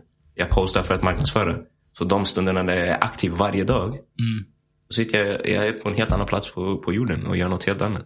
Ja. Så att jag vet att allt det där är fake för att jag använder det på ett, på ett sätt som lurar allihopa. Ingen vet vad som händer. Så att uh, I'm saying that to say Idag kan jag öppna upp mig om de här grejerna för att det är bara jag. Och Ja. jag vet att väldigt många människor går, känner samma sak går igenom samma grejer. Så att det, är- jag kan inte, jag kan inte jag kan inte eh, ta åt mig så mycket av de grejerna då när jag, när jag känner de känslorna. Förstår du vad jag Ja. menar? Jag är med dig. Var, varifrån kommer det här självförtroendet? Förut brydde du dig mycket mer. Var, Eh, jag bryr mig mycket för att jag kommer från en kultur. Jag tror väldigt många, jag kan inte prata om andra kulturer så, just i den här, i, alltså om den här grejen. Men eh, den Haberskulturen, Eritreankulturen är väldigt mycket så här, okej, du måste se städad ut utåt. Du kan inte bjuda hem någon om inte det är skitfint. Morsan måste ha städat hela dagen innan väninnorna kommer för att de inte ska säga någonting. Förstår du vad jag menar? ja, ja. Uh, farsan kan inte se ut på ett visst sätt framför s- sina grabbar. För, så att jag kommer från en sån kultur. eh, och det, är, det, bara, det bara är så. Därför så, så blir man liksom... Uh, Självmedveten. ja, man, alla, själv, ja, man blir wired in, eh, på ett visst sätt och tänker på ett visst sätt. När det kommer till sådana grejer. Och mina föräldrar, min mamma är extrem när det kommer till det där. Ja. Vad kommer de tänka? Vad kommer de tycka? Vad kommer... Så därför så är vi alla syskon på det sättet. Och jag har stört mig på det sen liten. Ja, det, just den där grejen har jag stört mig på sen jätteliten. Vad fan bryr sig vad den tycker? Men ändå så gör jag samma sak. Ja. För det är allt jag vet. ja, det är det man växt upp i. Exakt. Så att eh, då har jag aktivt försökt jobba bort det. Och Okej. det är därför jag blir bättre på det. Mm. Eh, men eh, vad var din fråga? Nu tappade jag frågan. Varifrån du fick självförtroendet att kunna Självförtroende. bry dig mindre. Så att just den grejen kommer från mina föräldrar. Men självförtroendet kommer från mina föräldrar också. Mm. stoltheten. Eh, vi pratade innan vi började spela in om lite om eh, föräldrarnas story. Mm. Och vad de har gjort för att komma dit. Och de är stolta och de har aldrig frågat om någonting. Ja. Så att det är inte någonting de har sagt till mig utan jag bara ser vad de gör. De har inte frågat om ett shit. Ja. De har se- sett till att vi alltid har mat. Vi alltid har kläder. We always been good. Mm. Jag har aldrig varit rika men i alla fall i mitt område bland mina vänner, jag har been good. Ja. Jag har inte behövt struggla. Jag har vänner som Alltså sex ungar. Förstår du? Jag, jag har vänner som Det är- bokstavligen, man går hem till dem och deras säng är madrass på golvet. Ja, jag hade ja, alltid ja. en säng i alla fall. Mm. Liksom, jag har vänner som föräldrarna är ute och jobbar. Om, de, om inte de äter mellis på skolan, Ja. då käkar de inte tills morsan kom på kvällen. Ja, det, man vet inte vilken tid de kommer. I've been good. Mm. Jag kan inte klaga på det sättet. Förstår du vad jag menar? Det är sjukt imponerande. Alltså bara att ta sig, du berättade, de, de kom till Sverige strax innan du föddes. Att ta sig till Sverige med, med sex ungar från liksom svåra omständigheter i, i Eritrea och överallt. Så man blir ju otroligt imponerad över det. Exakt. Det, Exakt. det kräver starka människor att Exakt, klara av det. exakt. Och att sen finansiera sex ungar. Att, som du säger, ni hade, du hade en säng och så i. Det. Det, är sjukt imponerande. Jag, mina egna föräldrar är evigt tacksamma och imponerade över att de drog ut Exakt. oss från, från kriget i Jugoslavien. Liksom. Så det är något man knappt kan föreställa sig Exakt. själv att uppnå. Det, det, det, det känns oövervinnligt svårt att göra. Men folk gör det. Mm. Och varje dag, varje dag händer sådana saker. Och, Jag är säker på att grejer som din pappa har gjort och din mamma har gjort, det smittar av sig utan att de ens har sagt till dig att det är så här du ska göra det. mm, exakt. Du, du lär dig av din miljö. Det blir ju... Kommer man från en familj som upplevt krig eh, så är det, det, det, det är svårt att gnälla på grejer. Det är fett svårt. det är skitsvårt. Definitivt kan man inte klaga till sina föräldrar över så här, "Ja, jag inte, jag tycker skollunchen är äcklig. Håll käften. Jag har en, jag har en berättelse från eh, när vi bodde, när, när kriget började. Vi bodde i Bosnien när kriget började och sen eh, flyttade jag till Montenegro. Eh, jag, jag var smal som en pinne. Eh, jag åt väldigt lite på, på den tiden. Jag, jag bara gillade ingenting. Jag, jag ville inte äta och sådär. Jag var riktigt smal. Ehm, och så var det en dag, där var ju under, vi var där i Montenegro i två år och det var under liksom tuffa tider. Det var krig, det var svårt att få in, även om det inte var krig i Montenegro så var det kriget Det påverkade. påverkade.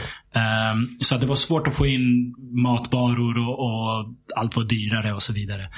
Så var det en dag som min eh, mormor hade fått tag på ägg. Och det här var liksom någonting som inte händer ofta. Ehm, och mamma gjorde en, eh, en kaka. Så eh, mamma gjorde en kaka till, till kidsen och jag fick en bit och, och sprang ut för att käka med, med liksom min bror och, och resten av kidsen. Och så springer jag in lite senare igen och frågar mamma, kan jag få mer? Och mamma blir så här, ah, ja självklart min son, för jag, jag vill inte äta liksom. Det har varit en struggle att få mig att äta. Så, eh, så hon bara, ja självklart, självklart. Gör en till skiva av kakan och, och ger mig. Jag går ut igen, kommer tillbaka fem minuter senare frågar igen. Mamma kan jag få mer? Och då börjar mamma bli lite misstänksam. Vänta, vad är det som händer här? Så hon följer med ut. Då ser hon, då ser hon att alla kidsen har skickat till mig för de vet att jag kommer få mer. Ah, Och så har vi, och så har vi matat en eh, hemlös hund. Bara Som hänger i, i liksom den där, som, är så här, som hänger där som ett typ vår hund men den är bara liksom en herrelös hund. Så det var jag. De har skickat till mig för att de vet att jag kommer få mer. För att alla vet att mamma blir glad om jag äter. Eh, när man har de storiesarna i familjen. Knas. då, man liksom, då, då tar man ju livet lite, eh, lite Exakt. lättare. På gud. Alltså det, vi, vi sitter och skrattar men det är såna här grejer jag kan tänka. Du vet, det här är någonting som jag kanske tar med mig sen. Någon kväll när jag sitter och tänker över all- allt jag stressar över. Ja. Och sen så får jag sms från min leverantör. Och sen så sitter jag och så måste jag planera det här. Och hur ska jag strukturera nästa Instagram-push. Och, så. och sen så tänker jag på den här storyn som du berättade. Och då är Ja. det så här. Ja. Alltså, none of shit really matters. Ja. Egentligen. Förstår du vad jag menar? Alla har liksom eh, sina problem och, och även små problem kan vara stora problem. Men Exakt. kan man sätta saker och ting i perspektiv så kan man nog vara eh, lyckligare Exakt. överlag. Och det, Och det är det, det, det, är allt handlar om. Verkligen. Mm. Topp tre rappare. Uff. I like this! det är min favoritdel av podden, jag svär. Topp tre rappare, det är tjockt svårt. Du börjar, du börjar. Oh, men jag, jag har redan dragit min med, med Asim. Ah. Ke- Kendrick, Kanye. Fast jag sa Amy Winehouse för han frågade mig generellt. Uh, Topp tre artister. Så jag sa Kendrick, Kanye och eh, Amy Winehouse. Men rappare, Kendrick, Kanye. Jag hade en lång period då Busta Rhymes var min grej. Busta Bus. Uh, fet, Alltså fet. rent, rent tekniskt, Mm. ja, det är få som slår honom. Eh, snabbare käft än hans får man leta efter. Det är den alltså. Det är den. Det är Twister eller någon annan som kan Ah. tävla med honom. Men han är fet. Jag, jag har alltid älskat teknisk, liksom, eh, imponerande rap med budskap. Mm. Då, då, då är den kombon är dödlig. Det är därför Kendrick är för mig nummer ett. Grejen är så här. Det är så här. Du kan säga vilka som är störst. Ja, All time greats. ja. Baserat på statistik. Eller vi kan snacka om vad mina favoriter Det är dina favoriter jag vill åt. Statistik Och kan jag min, googla. mina, mina favoriter, exakt. Och det är där den här... För jag är inte en sån person som kommer vara så här. Ni snackade om, snackade om den storyn om, om när de tog upp det här med LeBron och Jordan. Och Aha. alla de här grejerna. Jag är inte en sån person som kommer lägga ner tid och energi på det. För det första är så här, I, I, don't really, I don't really care. Om, om Jordan är bättre och jag är LeBron-fan, I tyckte. Mitt liv kommer gå vidare. Jag, har- Ja. jag, har inte, jag har inte energin i mig att sitta och, och debattera om det. Mm. Det, det enda gången jag kommer typ så här, ta åt mig när någon säger något så här ridiculous. Ja. Det är det enda. Så här, vad snackar du om? Du, för det första, du kan inte, du fattar inte ens basket. Så snacka inte om det där. Ja. Men just när det kommer till rap, min favoritrappare, Mm. och det här är en person som har haft impact i mitt liv. Och man kan se detaljer i mina kläder Okej. som jag har tagit ifrån honom. Jag har ett quote på en kollektion från honom. Nipsey Hussle är min favoritrappare. Okej.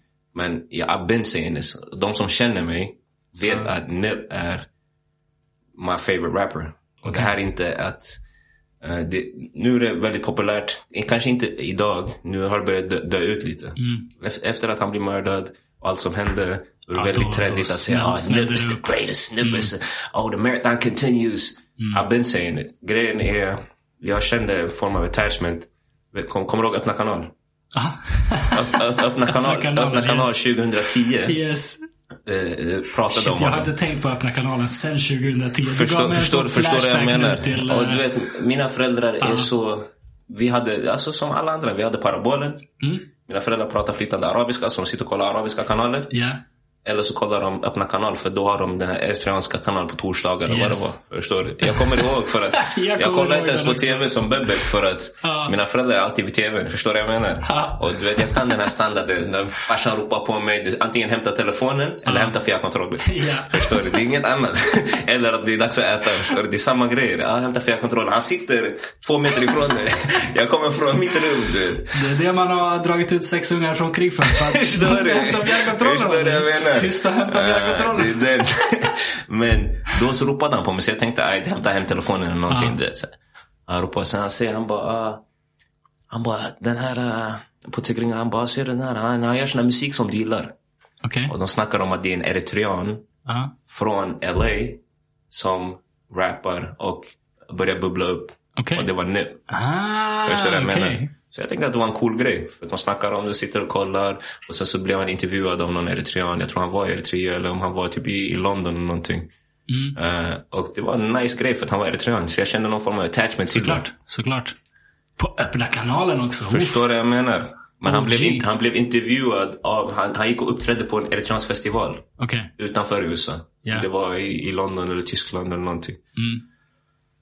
Eh, och, eh, och för han är en sån, han har stolt säger att han är eritrean. Hans pappa är alltså patriot. Jag träffade, jag har varit i butik, jag träffade hans brorsa. Det här är 2013, 2014 var jag i butiken. Ja. Eh, träffade hans brorsa. Och eh, hans farsa. Hans farsa är liksom, alltså, man hör på han, hur han pratar. Hey, what's up bro? Liksom värsta, alltså värsta, värsta patrioten och eh, grov, grov accent. Ja, förstår du? man missar inte var han kommer ifrån. stolt eritrean. Ja. Och Nip var också sådär. Även fast han är halv, halv black american, halv um, eritrean. Ja. Och eh, du vet, man känner återigen förebilder. Du känner Mm. någon form av attachment till personen. Eh, efter det så släppte han eh, sitt mixtape, The Marathon. Och min brorsa, som är en, en av mina förebilder då, Mm. kom ihåg han kom i sin nya bil, han pumpade den och så snackade han om den, så spelade han den. Och det är där det fastnade. Så 2010-2011 började började pumpa The Marathon. Pumpade hela tiden. Sen såg jag honom live 2012 när han var här i Sverige. Mm. Han uppträdde på, det var en Tupac Tribute Concert i Fryshuset. Okej. Alltså jag stod längst fram. Jag stod och rappade varenda låt. Han hade Nice. släppt Marathon och The Marathon Continues. Stod och rappade varenda låt.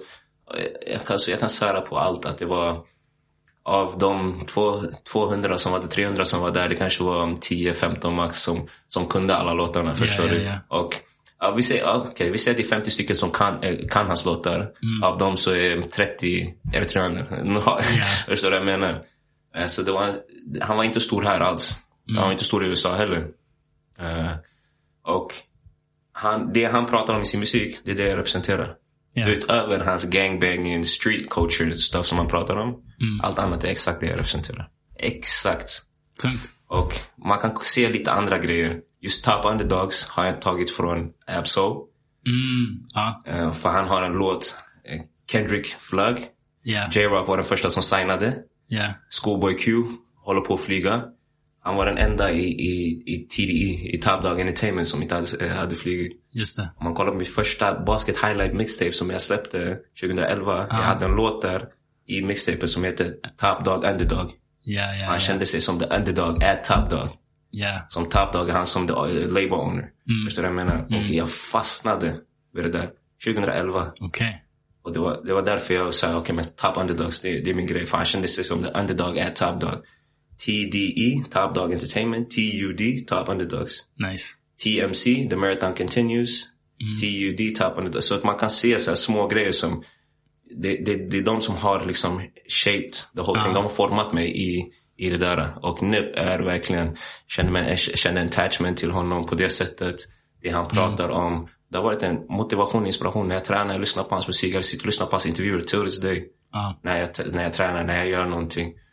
Uh, nätter när jag sitter upp och räknar inventarier, planerar inför event. Jag sitter och lyssnar på, på intervjuer han, eh, eh, podcast och intervjuer han har varit med på Ja. och pratar. ehm, och det är någon som har hängt med eh, hela vägen.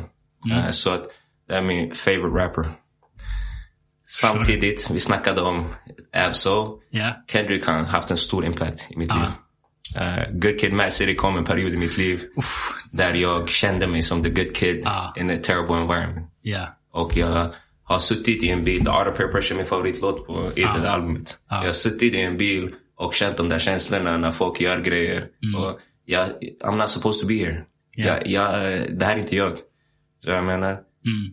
men I'm with the homies som man säger. Exakt. Usually I don't do this but I'm with the homies, förstår du? Ja. Och han har haft en stor impact på mig. Eh, och jag är den i min cirkel. Även alla äldre, Fajan och alla, alla de här äldre som jag spelade med i här laget när jag kom upp till här laget. De bara sa, vad fan spelar du för någonting? Det här är länge sedan. Mm. Vad är det för musik? Som jag sa, jag hade Absol på min, på min basket mixtape när jag släppte det första gången. Och sa, vad fan är det här för musik? Ja. Det är för att jag spelade sånt. Kendrick, Cole. Ingen visste vad det var. Och det var Ja. jag som put people on. Och Nice. jag var den som satt på, på alla mixtape-hemsidor och laddade ner mixtape så fort den kom ut. Mm. Eh, så att Kendrick har haft en stor impact. Cole har haft en stor impact. Så det är de tre. Men sen har jag andra rappers också. För jag är mycket för bars, metaforer. Ja. Och Fab och Kiss är två rappare som är, är jag riktigt stort fan av. Okej. Uh, Meek Mill. Jättestort fan av Meek Mill. Allt han representerar, DC, Dream Chasers Ja. och så vidare. Återigen, jag är mycket för motivation och inspiration. Mm. Det, alltså, det är bara hungern han har när han rappar. Det är på en annan nivå. Så att jag kan säga massa namn, men det här är personer som har impact mig. Ja. Om man vet vem jag är och vet hur jag är som person. Det är så självklarhet. När jag säger de här namnen, det är så här, ah, makes sense. Ja, ja. Förstår du vad jag menar? Eh, så, men Nip, favorite rapper. Ja. Uh, Cole, Cole och Kendrick. Så om jag, bara fick ge tre, då, är det- Nip, Cole, Kendrick. Det var jag som, alla i min cirkel. Det är ingen som kan säga något annat av mina, av my immediate circle. Ja. Ingen som kan säga något annat när det kommer till vem var det som visade dig Cole och Kendrick. så att det... Har det alltid varit lite av en eh, stolthet för dig att hitta bra, ny bra musik och dela med dig av den? hell yeah. Ja. Hell yeah. Jag säger, lyssna på den här, lyssna på den här. Ja. Ey, lyssna på den här. Inte konstigt att du blev DJ. Break. Exakt, exakt. För min bror var sådär. Så som jag sa till honom, han kom i bil, hoppade in i bilen, han bara, ey lyssna, Nip, Nip Hustle. Så spelade han känsla. Förstår du vad när, jag menar? när man tipsar någon om något och det blir typ deras nya favorit. Det är, det är en känsla. Exakt. Så du vet, man break it down. Jag, Mm. jag kan vara jobbig till och med. Jag har släppt på det där förut var jag värre. Så lyssna på en låt. Vänta, vänta, pausar. Spola tillbaka. Hörde du vad han sa? Lyssna på det här. äh, vänta, vänta, vänta. För jag är nörd när det kommer till sånt där. Jag tycker det är skitnice. Jag är jätt, alltså värsta nörden när det kommer till det. Har du någon favorite bar? Av alla liksom. Alltså det, nah, svårt att säga. Jag kan säga, vi kan gå så album för album och säga Outer Peer Pressure är min favoritlåt för the storytelling of it. Ja. Men på det albumet så har han Alltså jag måste ha eh, titlarna framför mig. Ja. Det, det, Oh, det den här med I used to be jealous of Aaron Aflalo, vad heter det? Ja. Uh, ja, vad heter den? När han sjunger om, om Aaron Aflalo och, och, och, och The Game. Black Boy Fly, oh det, my god. Alla, alltså, yeah, storytelling. Storytelling och bars som metaforer. Det, det är verkligen... Han, han liksom förklarar gettosituationen på ett sätt som få andra har lyckats. The underdog mentality. Det är all den här uh, gangsterskiten, men det är... Fan, det här är inte bra. det här The, är inte the, bra. the underdog mentality. Är- han, är från, han är från en blood neighborhood in Compton. Ja, ja. Alltså Compton är en av de mest ökända och populäraste eh, gettorna i, Ja. gettot i, i världen. ja, På grund av alla Hollywoodfilmer. ja, Dr Dre satte det på kartan. Så man vet att uh, NWA, hälften av dem är därifrån och, och de andra är från South Central LA. Mm. Så liksom så här. Det, det är inte att han är från nå- nå- han, han, han är inte från en förort i, i Sverige. Så han är från ett väldigt jobbigt område. Inte för att det inte är jobbigt i, i svenska förorter. Vilket vi vet idag är kaos. Förstår du vad jag menar? Men han pratar om det i ett annat perspektiv. Pratar jag om någon annan. Jag är inte en sån person som skulle göra så. Alla, alla gör det på, på sitt sätt. Lyssna på YG någonting. Eh, nej, jag har någon låt här och var. Okej. Lyssna på YGs första album, My Crazy Life. Okej. Okej? Kom ihåg att jag sa det här. Och My Crazy Life, Good Yeah. Kid Mad City, exakt samma album. Två olika perspektiv. Om du tänker The Art of Peer Pressure. YG och Kendrick sitter i samma bil. Ja, ja, ja. Kendrick är den personen som egentligen inte ska vara det. YG är den personen som vill vara Han det. är hemma. Förstår du? Ja. Lyssna på den, hur han break it down. Han Ja. har exakt, exakt samma sak. Men han, han börjar med en, med, han, bör, han börjar med att han snackar om att han är fest och lyssnar, äh, letar efter, vad heter hon? Vad heter den där tjejen som han letar Kendrick. Good Kid Mad City.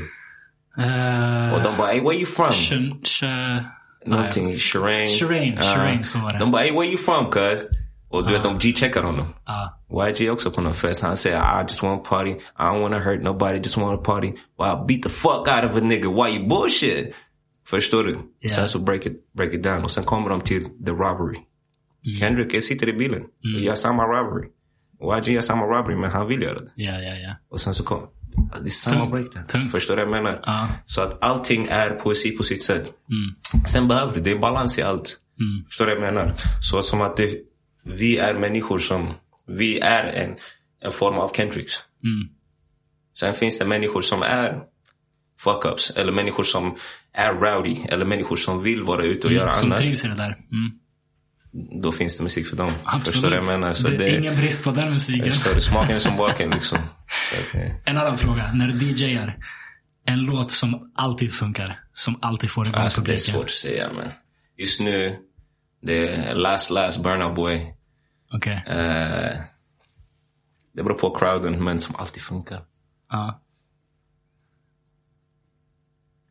Vad heter den här? Fat Man Scoop? Mm. You forgot it, uh, man, put your hands up. Ja, eh, eh, eh, Put your hands up. Eh, Vad heter den låten?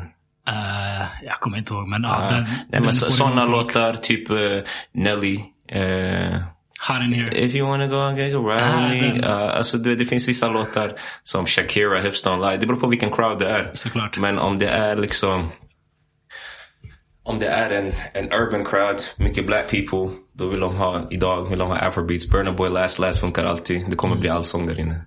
Eh, om det är en, en, i Sverige och det är en mixad crowd, Ja. då ska man ta lite så här 2000-tals hiphop. Ja, Eh, ja. Du kan spela 50 Cent in the club och alla kommer stå där. Eh, eh, eh. Ja. Så att det, det handlar om att, att läsa av crowden. Men eh, jag skulle säga just nu Burna Boy Last Last är är en, en topplåt. Mm. Det, går, det är svårt att missa med Burna Boy generellt. Så fort man hör Burna Boys röst. Så Ja. att, uh, Jag tänker på den där eh, Ignition Remix. uff. Ja, men jag vet inte. Man får, man får inte... Jag vet inte. Han, är förbjuden Ja, jag för förstår det jag menar. Men det, spelar ingen roll. den låten kommer låten kommer folk bara I, I really don't like him but uh, I'm gonna just dance to this one song after that I don't fuck with him. det är så om, om man har en äldre generation, det är samma med Michael. De- Du spelar en MJ-låt och de säger You know, I've seen the documentary. Uh, jag gillar inte riktigt vad han står för, men vi dansar till den här. Den är, den är svår alltså. Den är with svår. någonstans måste man kunna separera konsten från mannen. Ja, ja, nej, alltså jag förstår vad du säger. Jag, inte, jag lägger ingen värdering i det. Mm. För att återigen, då kommer vi tillbaka till det här, ja men sen när man lyssnar på förortsrap och så. Ja. Jag känner många av de här kidsen som, som rappar och pratar om allt möjligt. Förstår vad jag menar? Och man kan se, om man, om man följer mig på sociala medier, jag postar det här. Ja. Jag repostar det, för jag vet, speciellt när det är kids som är från min ort. Mm. När jag började med det här konceptet, jag snackade om föreläsningar och, och studiecirkel. Vissa av de här kidsen kom och var under mig, under min vinge och du vet, Ja. embraceade det jag gjorde. Och nu idag så är de, jag vet inte vad jag ska kalla dem, men jag vill inte säga så gangsters, men de klassas som någonting dåligt i samhället och de gör musik, men de är framgångsrika. Jag, alltså, jag Men det, är- det är en grej att skriva musik som är gangsterrap eller vad det nu är. Att säga saker som är sjuka, kanske till och med skadliga, dåliga, whatever. Mm. Men en helt annan sak att göra grejerna som R. Kelly och Michael Jackson gjorde. True. För, för de, de sjunger ju om något helt annat. De sjunger om kärlek och, och fin, fina saker, men, men det händer. Och jag har, jag har alltid, jag har länge haft inställningen att man måste kunna separera mannen från musiken. Men jag tycker samtidigt att eh, om man drar liknelsen till ett företag. Om du får reda på att eh, Coca-Cola använder slavarbete och, och liksom jättemycket hemska saker. Mm. Ska du separera drycken från företaget och fortsätta sponsra det? Ah, Den, är, den, är, den är svår. Förstår du vad jag menar? Och det är samma då- sak då när det kommer till rap. Såhär, det är ingen cap i min rap. I stand for this shit. Du- du- Okej, och du snackar om att gör det. Gör det verkligen? Det lever i den livsstilen. Kanske, inte- kanske inte majoriteten, vilken majoriteten inte gör. Eller kanske, ja, jag, pratar om min, jag pratar om min verklighet. Det där är bara, det, de säger det för din ursäkt att komma runt det. Och folk lever den livsstilen. Vi ser hur det ser ut här ute. Ja. Men det är liksom, vad... Jag, jag supportar, det jag försöker säga, jag supportar inte det för att, för vad de pratar om. ja. Jag supportar det för att de gör någonting driftigt och gör något produktivt. Mm. Det är Det- ett sätt att få utlopp för sin kreativitet. Exakt. Förstår du vad jag menar? Ja. Så att det, det, är lite det, det är lite det jag, jag eh, trycker på. Gör någonting. Gör någonting. Do, do something. Mm. Eh, och sen så vet jag att jag har diskussioner med de här som jag känner som gör det här att de pratar inte om det som att det är någonting bra. Men återigen, vi kommer tillbaka till det här som vi pratade om innan. När jag sa att vi ser, vi ser bara äldre eller människor som ser ut som oss göra saker och ting på ett visst sätt. Ja. Vi kommer följa, följa samma spår. Så viktigt. Så Och viktigt när det kommer någon annan som, när det kommer några andra som ser ut som oss Mm. Och inte är squares. Inga L7s som, som är såhär, ah, han är pajas, han är tönt, han är, ah, vem vill vara som honom? Någon som man respekterar. Ja. Betyder att de där andra är töntar eller pajaser? Nej, det gör inte det. Men det, det, det är så de ser ut. Men någon som respekteras, men inte pratar om det på det sättet och gör det på en sån nivå som en, en Drelo, en, en Yasin, en uh, 23, en, uh, en whoever. Och dominerar. Då kommer det där att bli nästa våg. Yeah. Förstår du vad jag menar? Så att det är liksom Problemet är att människor gör det. Men det grundar ju sig i någonting. Mm. Så man måste alltid gå, gå tillbaka till roten. Vi kan sitta och diskutera all, all day. Ja, men borde det vara så här? Borde P3 göra som de gör med galorna? Borde, okej, men vad, vad får människorna att göra det från första början? Såklart. Så det kommer alltid vara att du måste Det hela tiden... Hönan och ägget. Man vet inte var det För, startar. förstår du vad jag menar? Så att if you, om du är about what you're saying och du försöker make a change. There's people out here actually trying to make a change. Yes. Förstår du? Halla at me. Yes. Det är bara det. Förstår du vad jag menar? Men om inte du är det. ge- Kom inte till mig och ha Ja. den diskussionen. Ja. Det, är, det är den energin jag har. Men Jag försöker impact de här, eh, alla, alla youngins. Och jag vet Mm. att jag har en real life impact folk. Folk som, Mm. som jag sa till dig, jag hade under min vinge. Och har startat företag idag. Mer driftigare än vad jag är. Jag blir inspirerad av vad de Mm. Tungt, gör. tungt. Och det är fett nice. Ja. Det, och det, det är fler sådana än som har gjort en vänstersväng. Såklart. Men det, det är life. Jag kommer inte, man kommer inte kunna hjälpa alla. Men if, om du tycker att det är så messed up och du vill att saker ska ändras. Make a change. Mm. Det, det, that's how I look at it. Sen vi kan sitta och det kan, timmar av diskussioner om saker och ting. Förstår du vad jag menar? Absolut. Men uh, okej, men om vi skulle snacka om, om, om rappare. Ja. Okej, vi tar, det, det, var, rappers. Amerikanska, för vi sa ju amerikanska rappers. Yes. Okej, vi snackar om svenska rappers. Lyssnar du på afrobeat? Nej. UK? Rap? Lite grann. Okej, men vi tar Sverige då. Sverige. Min, mina Uh, jag, vill favoriter. höra, jag vill höra lite Erik Lundin är där uppe. fet, fet. That, that's my boy också. Det, är det är en vän så jag är kär för Han är G som människa. Han, eh, han är tung. Han är tung. Um, motorisk afasi, eller han kallar sig bara afasi nu för tiden. Jag vet inte det. Eh, eller vad fan, nu heter han, nu kallar han sig riktigt sitt riktiga namn, Herbert Munkhammar tror jag. Han är en sån som har sjukt teknisk rap. Afasi och Filthy, två grabbar från Uppsala. Jag tror de var från Uppsala. Eh, sen älskar jag uh, Nack. Första, första albumet han gjorde. Mm. Sen, sen eh, andra tyckte jag var helt okej. Men, men hans första album det tyckte jag var ett av de bättre i svensk hiphop. Eh, så, jag vet inte, är Nack aktiv idag musikmässigt? Jag tror han gör mer annat. Jag är inte säker. Jag, jag har inte hört något. Jag vet att på han hade en hit på radion några år sedan som spelades on heavy rotation. Ja, den här eh, På mål någonting. Jag kommer inte ihåg vad den heter, men jag vet att jag hörde den hela tiden. Kommer när jag körde, när jag startade bilen sen var alltid på. Men, men min eh, första kärlek inom svensk hiphop, Loop Troop. Är det så? Ja. Shit. Ja, jag älskar Loop Troop. Ja, de, de, deras musik knarkar jag. Alltså, de, de har jag lyssnat på hela livet. Shit. Shit. Ja. Och någon, eh, någon youngin som kommer upp idag som är, som är Ehm, stor. Jag vet inte. Jag kan inte säga att jag har lyssnat på så mycket ny svensk hiphop. En så här... eh, Jag, jag har en vän som, som jag vet att du skulle gilla. Är det så? Rez. Uh, Okej. Shoutout till Rez. Han kommer, Ja, säger. absolut. Absolut. Men, eh, att skicka över. du, kommer, du kommer gilla honom. Mannen. Den här, är- den här är en sån här eh, sidogrej. ODs eller ODZ. Ja, okej. Jag har inte lyssnat på det De är, så- de, det är den flummigaste hiphopen som finns. De snackar inte om någonting annat än knark. Det är lite emo, emo hiphop va? Jag vet inte ens vad man ska kalla det. De har röstförvrängare och eh, bara typ så här knark rave musik typ. Det är helt sjukt. Men den är bra. Det är så? Ja, fet, fet. Man blir hype. Man Och blir all, hype. alla andra som är stora inom... Det, det är raka motsatsen till allt jag säger att jag gillar inom hiphop. Det är raka motsatsen, men det bara, det bara träffar. det är, det är funkar entertainment också. Det är som att du gillar att kolla på Gudfadern. Ja. Alltså allt grundar sig egentligen i det där. Vi snackar om gun violence, inte för att gå in så djupt i det, men vi snackar om gun violence och hur vi har problem i förorterna och sånt där. Det glorifieras på andra sätt hela tiden. Absolut. Alla tv-spel, alla gangsterfilmer Ja. och krig händer. Krig händer i världen. Ja. Det här är ett krig på en mindre skala. Man har ju sett det någonstans innan. Det är inte så att någon har bara tänkt att okej, men jag ska skaffa ett vapen och vapen används bara inom någon form av sport, men jag ska gå med... Allt det där existerar. Så det är inte bara att problemet är i förorterna eller in the ghetto in the USA. Eller, utan Ja. det händer på större skalor. Bara att det, så att det är entertainment också. Så är det. Så är Det, det. det, är vad det är. Det säljer. Det funkar. Folk vill 100%. ha det, så... Men ingen, ingen eh, Yasin eller whoever Ja, else is on lyssnat top. på någon, någon låt här och var, men det är inget jag har fastnat för. Okej. Jag, eh, Låt oss transition into, into R&B. R&B. Uh, jag har... Um, um, Okej, R&B. Mansions, om de räknas. Okej. Um, Black Bear, som är en, eh, en halva av Mansions. Okej. Hans musik diggar jag som fan. Okej, okej. Snubben som är cancelled, som vi pratade om innan. Är Inga namn nämnda.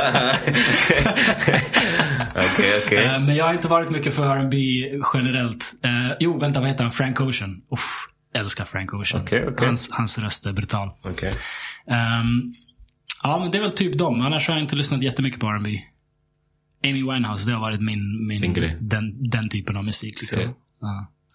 Det, det som är intressant med de svaren du säger Ja. i allt. Ja. Inte för att Kendrick är en liten rappare. Nej. Vilka fler var det förutom Kendrick? Eh, Kanye, väldigt Kanye, liten. Har du hört talas om honom? Jag, jag vet ungefär vad jag för typ av musik. Ja. Okej. Ehm, och vad sa jag mer? Jag sa Basta. Han är Ja. också inte jätteliten. Uh, alltså alla de är stora. Mm. Men det är inte det, det är inte liksom de traditionella svaren. Det är inte Jordan, Kobe, LeBron. Utan, Mm. Sant. Det, det är liksom... Förstår du vad jag menar? Eh, vad heter det? Tupac, Biggie, Nas. Det är väl Ja. de folk uh, Förstår du vad jag menar? Top five. I gotta put Biggie in. Ah. Alltså, det är alltid samma. Samma. det, det är som du sa med Nipsey. När, när folk har dött så är hela världen så ah, ja, det där är, det där är min. Ja, alltså, ingen, kör, ingen kan köra det med mig. Mm. Och om det är någon utomstående som jag inte känner, jag tar inte ens diskussioner. För ingen kan köra med mig. För jag lovar dig att de inte kan, de kan inte säga några låtar förutom hans senaste album Victory Lap. Mm. Och då snackar de bara om hitsen. Vi kan break down Victory Lap. Jag snackar om, så som jag break down uh, the, uh, the Art of Peer Pressure och Good Kid Mad City. Ja, ja. Jag kan break down Victory Lap för dig. Ah. Men du kan inte Victory Lap. Du säger Nipsey för allt annat. Which is cool. Ja. Om det är den impacten du har fått av honom och du tycker han är så nice, bra. Mm. Men det, vi snackar om att han har ändrat mitt liv. Ja. Och eh, påverkat mig på ett positivt sätt. Så att vi, vi är inte på samma plan när det kommer till det. Mm, mm. Så att... Nej, det är som de där grabbarna som försökte snacka basket med mig. Jag var tvungen att liksom sätta dem på plats. droppa lite siffror. Vad ska man göra? det, alltså, det där är en svår grej. Jag, Ja, vilket många andra är, många andra är likadana. ja. Jag har inte sett Jordan spela på det sättet. Nej, Jag har sett LeBron pretty much hela hans karriär. Ja, Skillnaden är att vi är så detached ifrån, vi är så, vi har så, det, det är sånt långt avstånd ifrån alla Jordans misstag. mm, Så vi ser bara alla highlights. mm. Vi ser alla eh, 6 av 6 ringar. 6 av 6 finals MVPs. Eh, vi ser Last Dance documentary. ja. Vi ser alla LeBrons misstag. Så det, går, alltså, det är svårt Exakt. att jämföra. Verkligen. Jag vet inte vad svaret är. Om jag ska vara ärlig, I don't really care. My favorite player, min favoritspelare är Allen. Iverson. Oh, Allen Iverson. That's my guy. Det var han som fick mig vilja fläta mitt hår. Jag har inte Nice. gaddat hela min kropp men det var han som, alltså, han fick mig vilja göra allt. Hela hans swag, hela hans aura. Det, det är min favoritspelare. Allen Iverson. Det var min e-mailadress och allt. Nice. Allen Iverson och Thierry Henry, det var mina favoritspelare. Nice. Så att jag har inte ens, alltså, jag har ingen, Nej, ingenting. det, alltså, det, det är ju bara en rolig diskussion. Ja. Jag, har, jag har några vänner som, det, det blir alltid den diskussionen. Det blir het- Och- hetta, och det, det, hetta, liksom, hetta. det spelar ingen roll. Vi kommer, resten av livet kommer vi ha den diskussionen. Det är bara kul. Det är bara kul. barbershop talk. Ja, De- det, det är intressant alltså. Ja. Att, ja, de, är, de är great. De, är, de är bra båda två, det kan man fall säga. De är great. Alltså, vad, vad, vad menar vi? De Om skulle- du spelar i NBA. Jag spelar de skulle- basket. de jag skulle- spelar basket. Jag vet hur hårt jag jobbar. Ja. Alltså jag vet hur många, alltså, många tidiga månader jag inte Jag vet hur hårt jag har fucking jobbat. De, och ja. jag har inte ens kommit i närheten av den nivån. Vad snackar vi om? Nej, All- de om du spelar i NBA och du är bänkvärmare Ja. i alla säsonger och du spelar en sekund. Ja. Du är great. Om du har fått ett NBA-kontrakt. Ja. Punkt. Nej, de, de som är på den nivån, alltså Jordan, LeBron, de är ju psykopater. Alltså inte, de menar inte de är hemska människor, utan jag menar de är på riktigt psykopater. De har en sån obsession. Det här är, det här jag ska bli bäst. Allt annat är åsidosatt. Om, om ni vill fatta, ni som lyssnar, om ni vill fatta vad han snackar om. Läs Tim Grovers bok Relentless. Mm, Tim Grover var Jordans, Kobe's och D-Wades eh, personal trainer. mm, Läs Tim Grovers Relentless. Ja. Och han snackar om en relentless mindset och vad man behöver för att kunna vara the top of the top. Ja. The top 1% och vara den bästa av alla. mm. För att kunna förstå det där. För folk fattar inte. Och det är där jag sa, det är det jag menade med när jag sa tidigare att när någon säger någonting som är helt ridiculous. Ja. Så, vad, alltså vad snackar du om? Ja. Vet du vad som krävs för att, alltså. Men det är helt de, alltså okej vi kan diskutera. Och, du personligen tycker att den är bättre. Men alltså don't ever in your life disrespect det som den här personen har gjort. Alltså driver du med mig? Ja. Även om, om by far, clear case, vi säger att Jordan är bättre. Clear case, vi säger att det skulle vara så. Ja. Alltså vem har tagit sig till så många så consecutively? Tagit sig till finals på det sättet? Ingen. Alltså vem? Vem kan göra det? Ingen. I On a 20 i consistent 20 år, basis. I 20 år och han är On a fortfarande en av de basis? topp 10 bästa spelarna i Alltså ligan. det räcker. Det är helt sjukt. Det är bara för att det är, vi har sociala medier idag. Mm. Vi har folk som Skip Bayless som, som dör alltså för att snacka skit om... Alltså han är... Ja. Jag tror inte ens... Han, han kanske kan springa. Det är det enda han kan göra. Jag tror inte han... Alltså, han gör sina pengar på att klanka ner på människor. skit, det är hans grej. Och folk tycker att det är kul. Mm. Men alltså, vad pratar vi om egentligen? Men det, det funkar ju för att folk vet att ey, det, här är, det här är en great. Liksom. Så det, Ja, det är därför det funkar. Att han säger något kontroversiellt. Liksom Skip Bayless. Men äh, ja, det, det, det är helt otroligt att, Yes, att, att vi har fått följa den karriären. Han blev draftad 2003. Det är folk i NBA nu som föddes efter att han blev draftad. Och snubben är fortfarande dominant. Dominant. Inte att han spelar. Dominant. Udonis Haslem är en gammal gubbe som spelar i NBA. Och Vince Carter några säsonger sedan spelade i NBA som en 40-åring. Ja, de får LeBron James dominerar. Han, är, han var All-Star Captain. Du är inte All-Star Captain om du inte dominerar. Alltså, Ja. vad Det snackar är vi om på riktigt? 38 år. Han är 38 år och snubben är igen en av nu. de bästa i Kom igen nu, kom igen världens nu. svåraste liga. Kom igen nu, kom igen nu. Snälla, Det- alltså snälla, på riktigt. Sen, Och jag- och jag gör inget Jordan case för LeBron inne när just han var nu. 40 Och, och körde. Så det, Jag, jag gör inget case för LeBron. Ja, nej, och jag gör bara- inget case för Jordan det. heller. Man ska bara jag säger det. bara... Det konst. Put some, vad var det Birdman sa? Put some respect on my name. förstår du? Jag borde put some respect on my name. Förstår du? exakt så. Det, ja, jag vet. Men det, Ja. det är intressant. Det är intressant. Det är intressant. Mm. Right, Jonas, ska vi ta avrunda? Jag avrundar. Och för jag skulle kunna prata... Det skulle kunna vara uppvärmningen bara. Jag Jag, vet, tycker det är skitkul. jag Jag, uppskattar att jag fick komma. Jag, jag vet att du behöver eh, dra iväg. så, yes. eh, jag uppskattar verkligen det du gör. Det är fett inspirerande. Tack så mycket. Och jag vet liksom, de, de inspirationskällor jag hade i Mm. mitt liv. Jag vet hur mycket de betyder för mig. Så jag, jag är övertygad om att du har betytt otroligt mycket för otroligt Förlåt, jag kommer avbryta dig igen. Kör. Jag vill bara säga igen, Assim Asfar. bara för jag säger inte det tillräckligt. Och jag har inte Ja. regelbunden kontakt. Jag hoppas era familjer mår bra. Kissen mår bra. I love you. Och jag uppskattar verkligen. Klipp ut den här delen och skicka till mig. Jag uppskattar verkligen allt ni har gjort. Ni förstår inte, men ja, fortsätt. Absolut, absolut. Eh, om folk vill stötta det du gör, var hittar de dina kläder? Var hittar de musik? Var hittar de det du gör? Top underdogs på allt. Så top underdogs på Instagram. Top underdogs på YouTube. Top underdogs på Spotify. Top underdogs på TikTok. Så det är bara in och följ på sociala medier. Topunderdogs.com, hemsidan. Mhm. Top underdogs på allt. Top, Alright. T-O-P, underdogs. All right. Eller på sociala medier. Jag slänger in länk, länken i eh, avsnittets beskrivning också. Yes. Tack så mycket. Tack själv, du är fet. Fortsätt göra det du gör. Jag älskar dig. Tack, tack. Jag uppskattar det. guy. Vi, eh, vi tar ett till samtal i framtiden. 100%. Tack till dig som lyssnat. Vi hörs nästa gång. Ha det fint.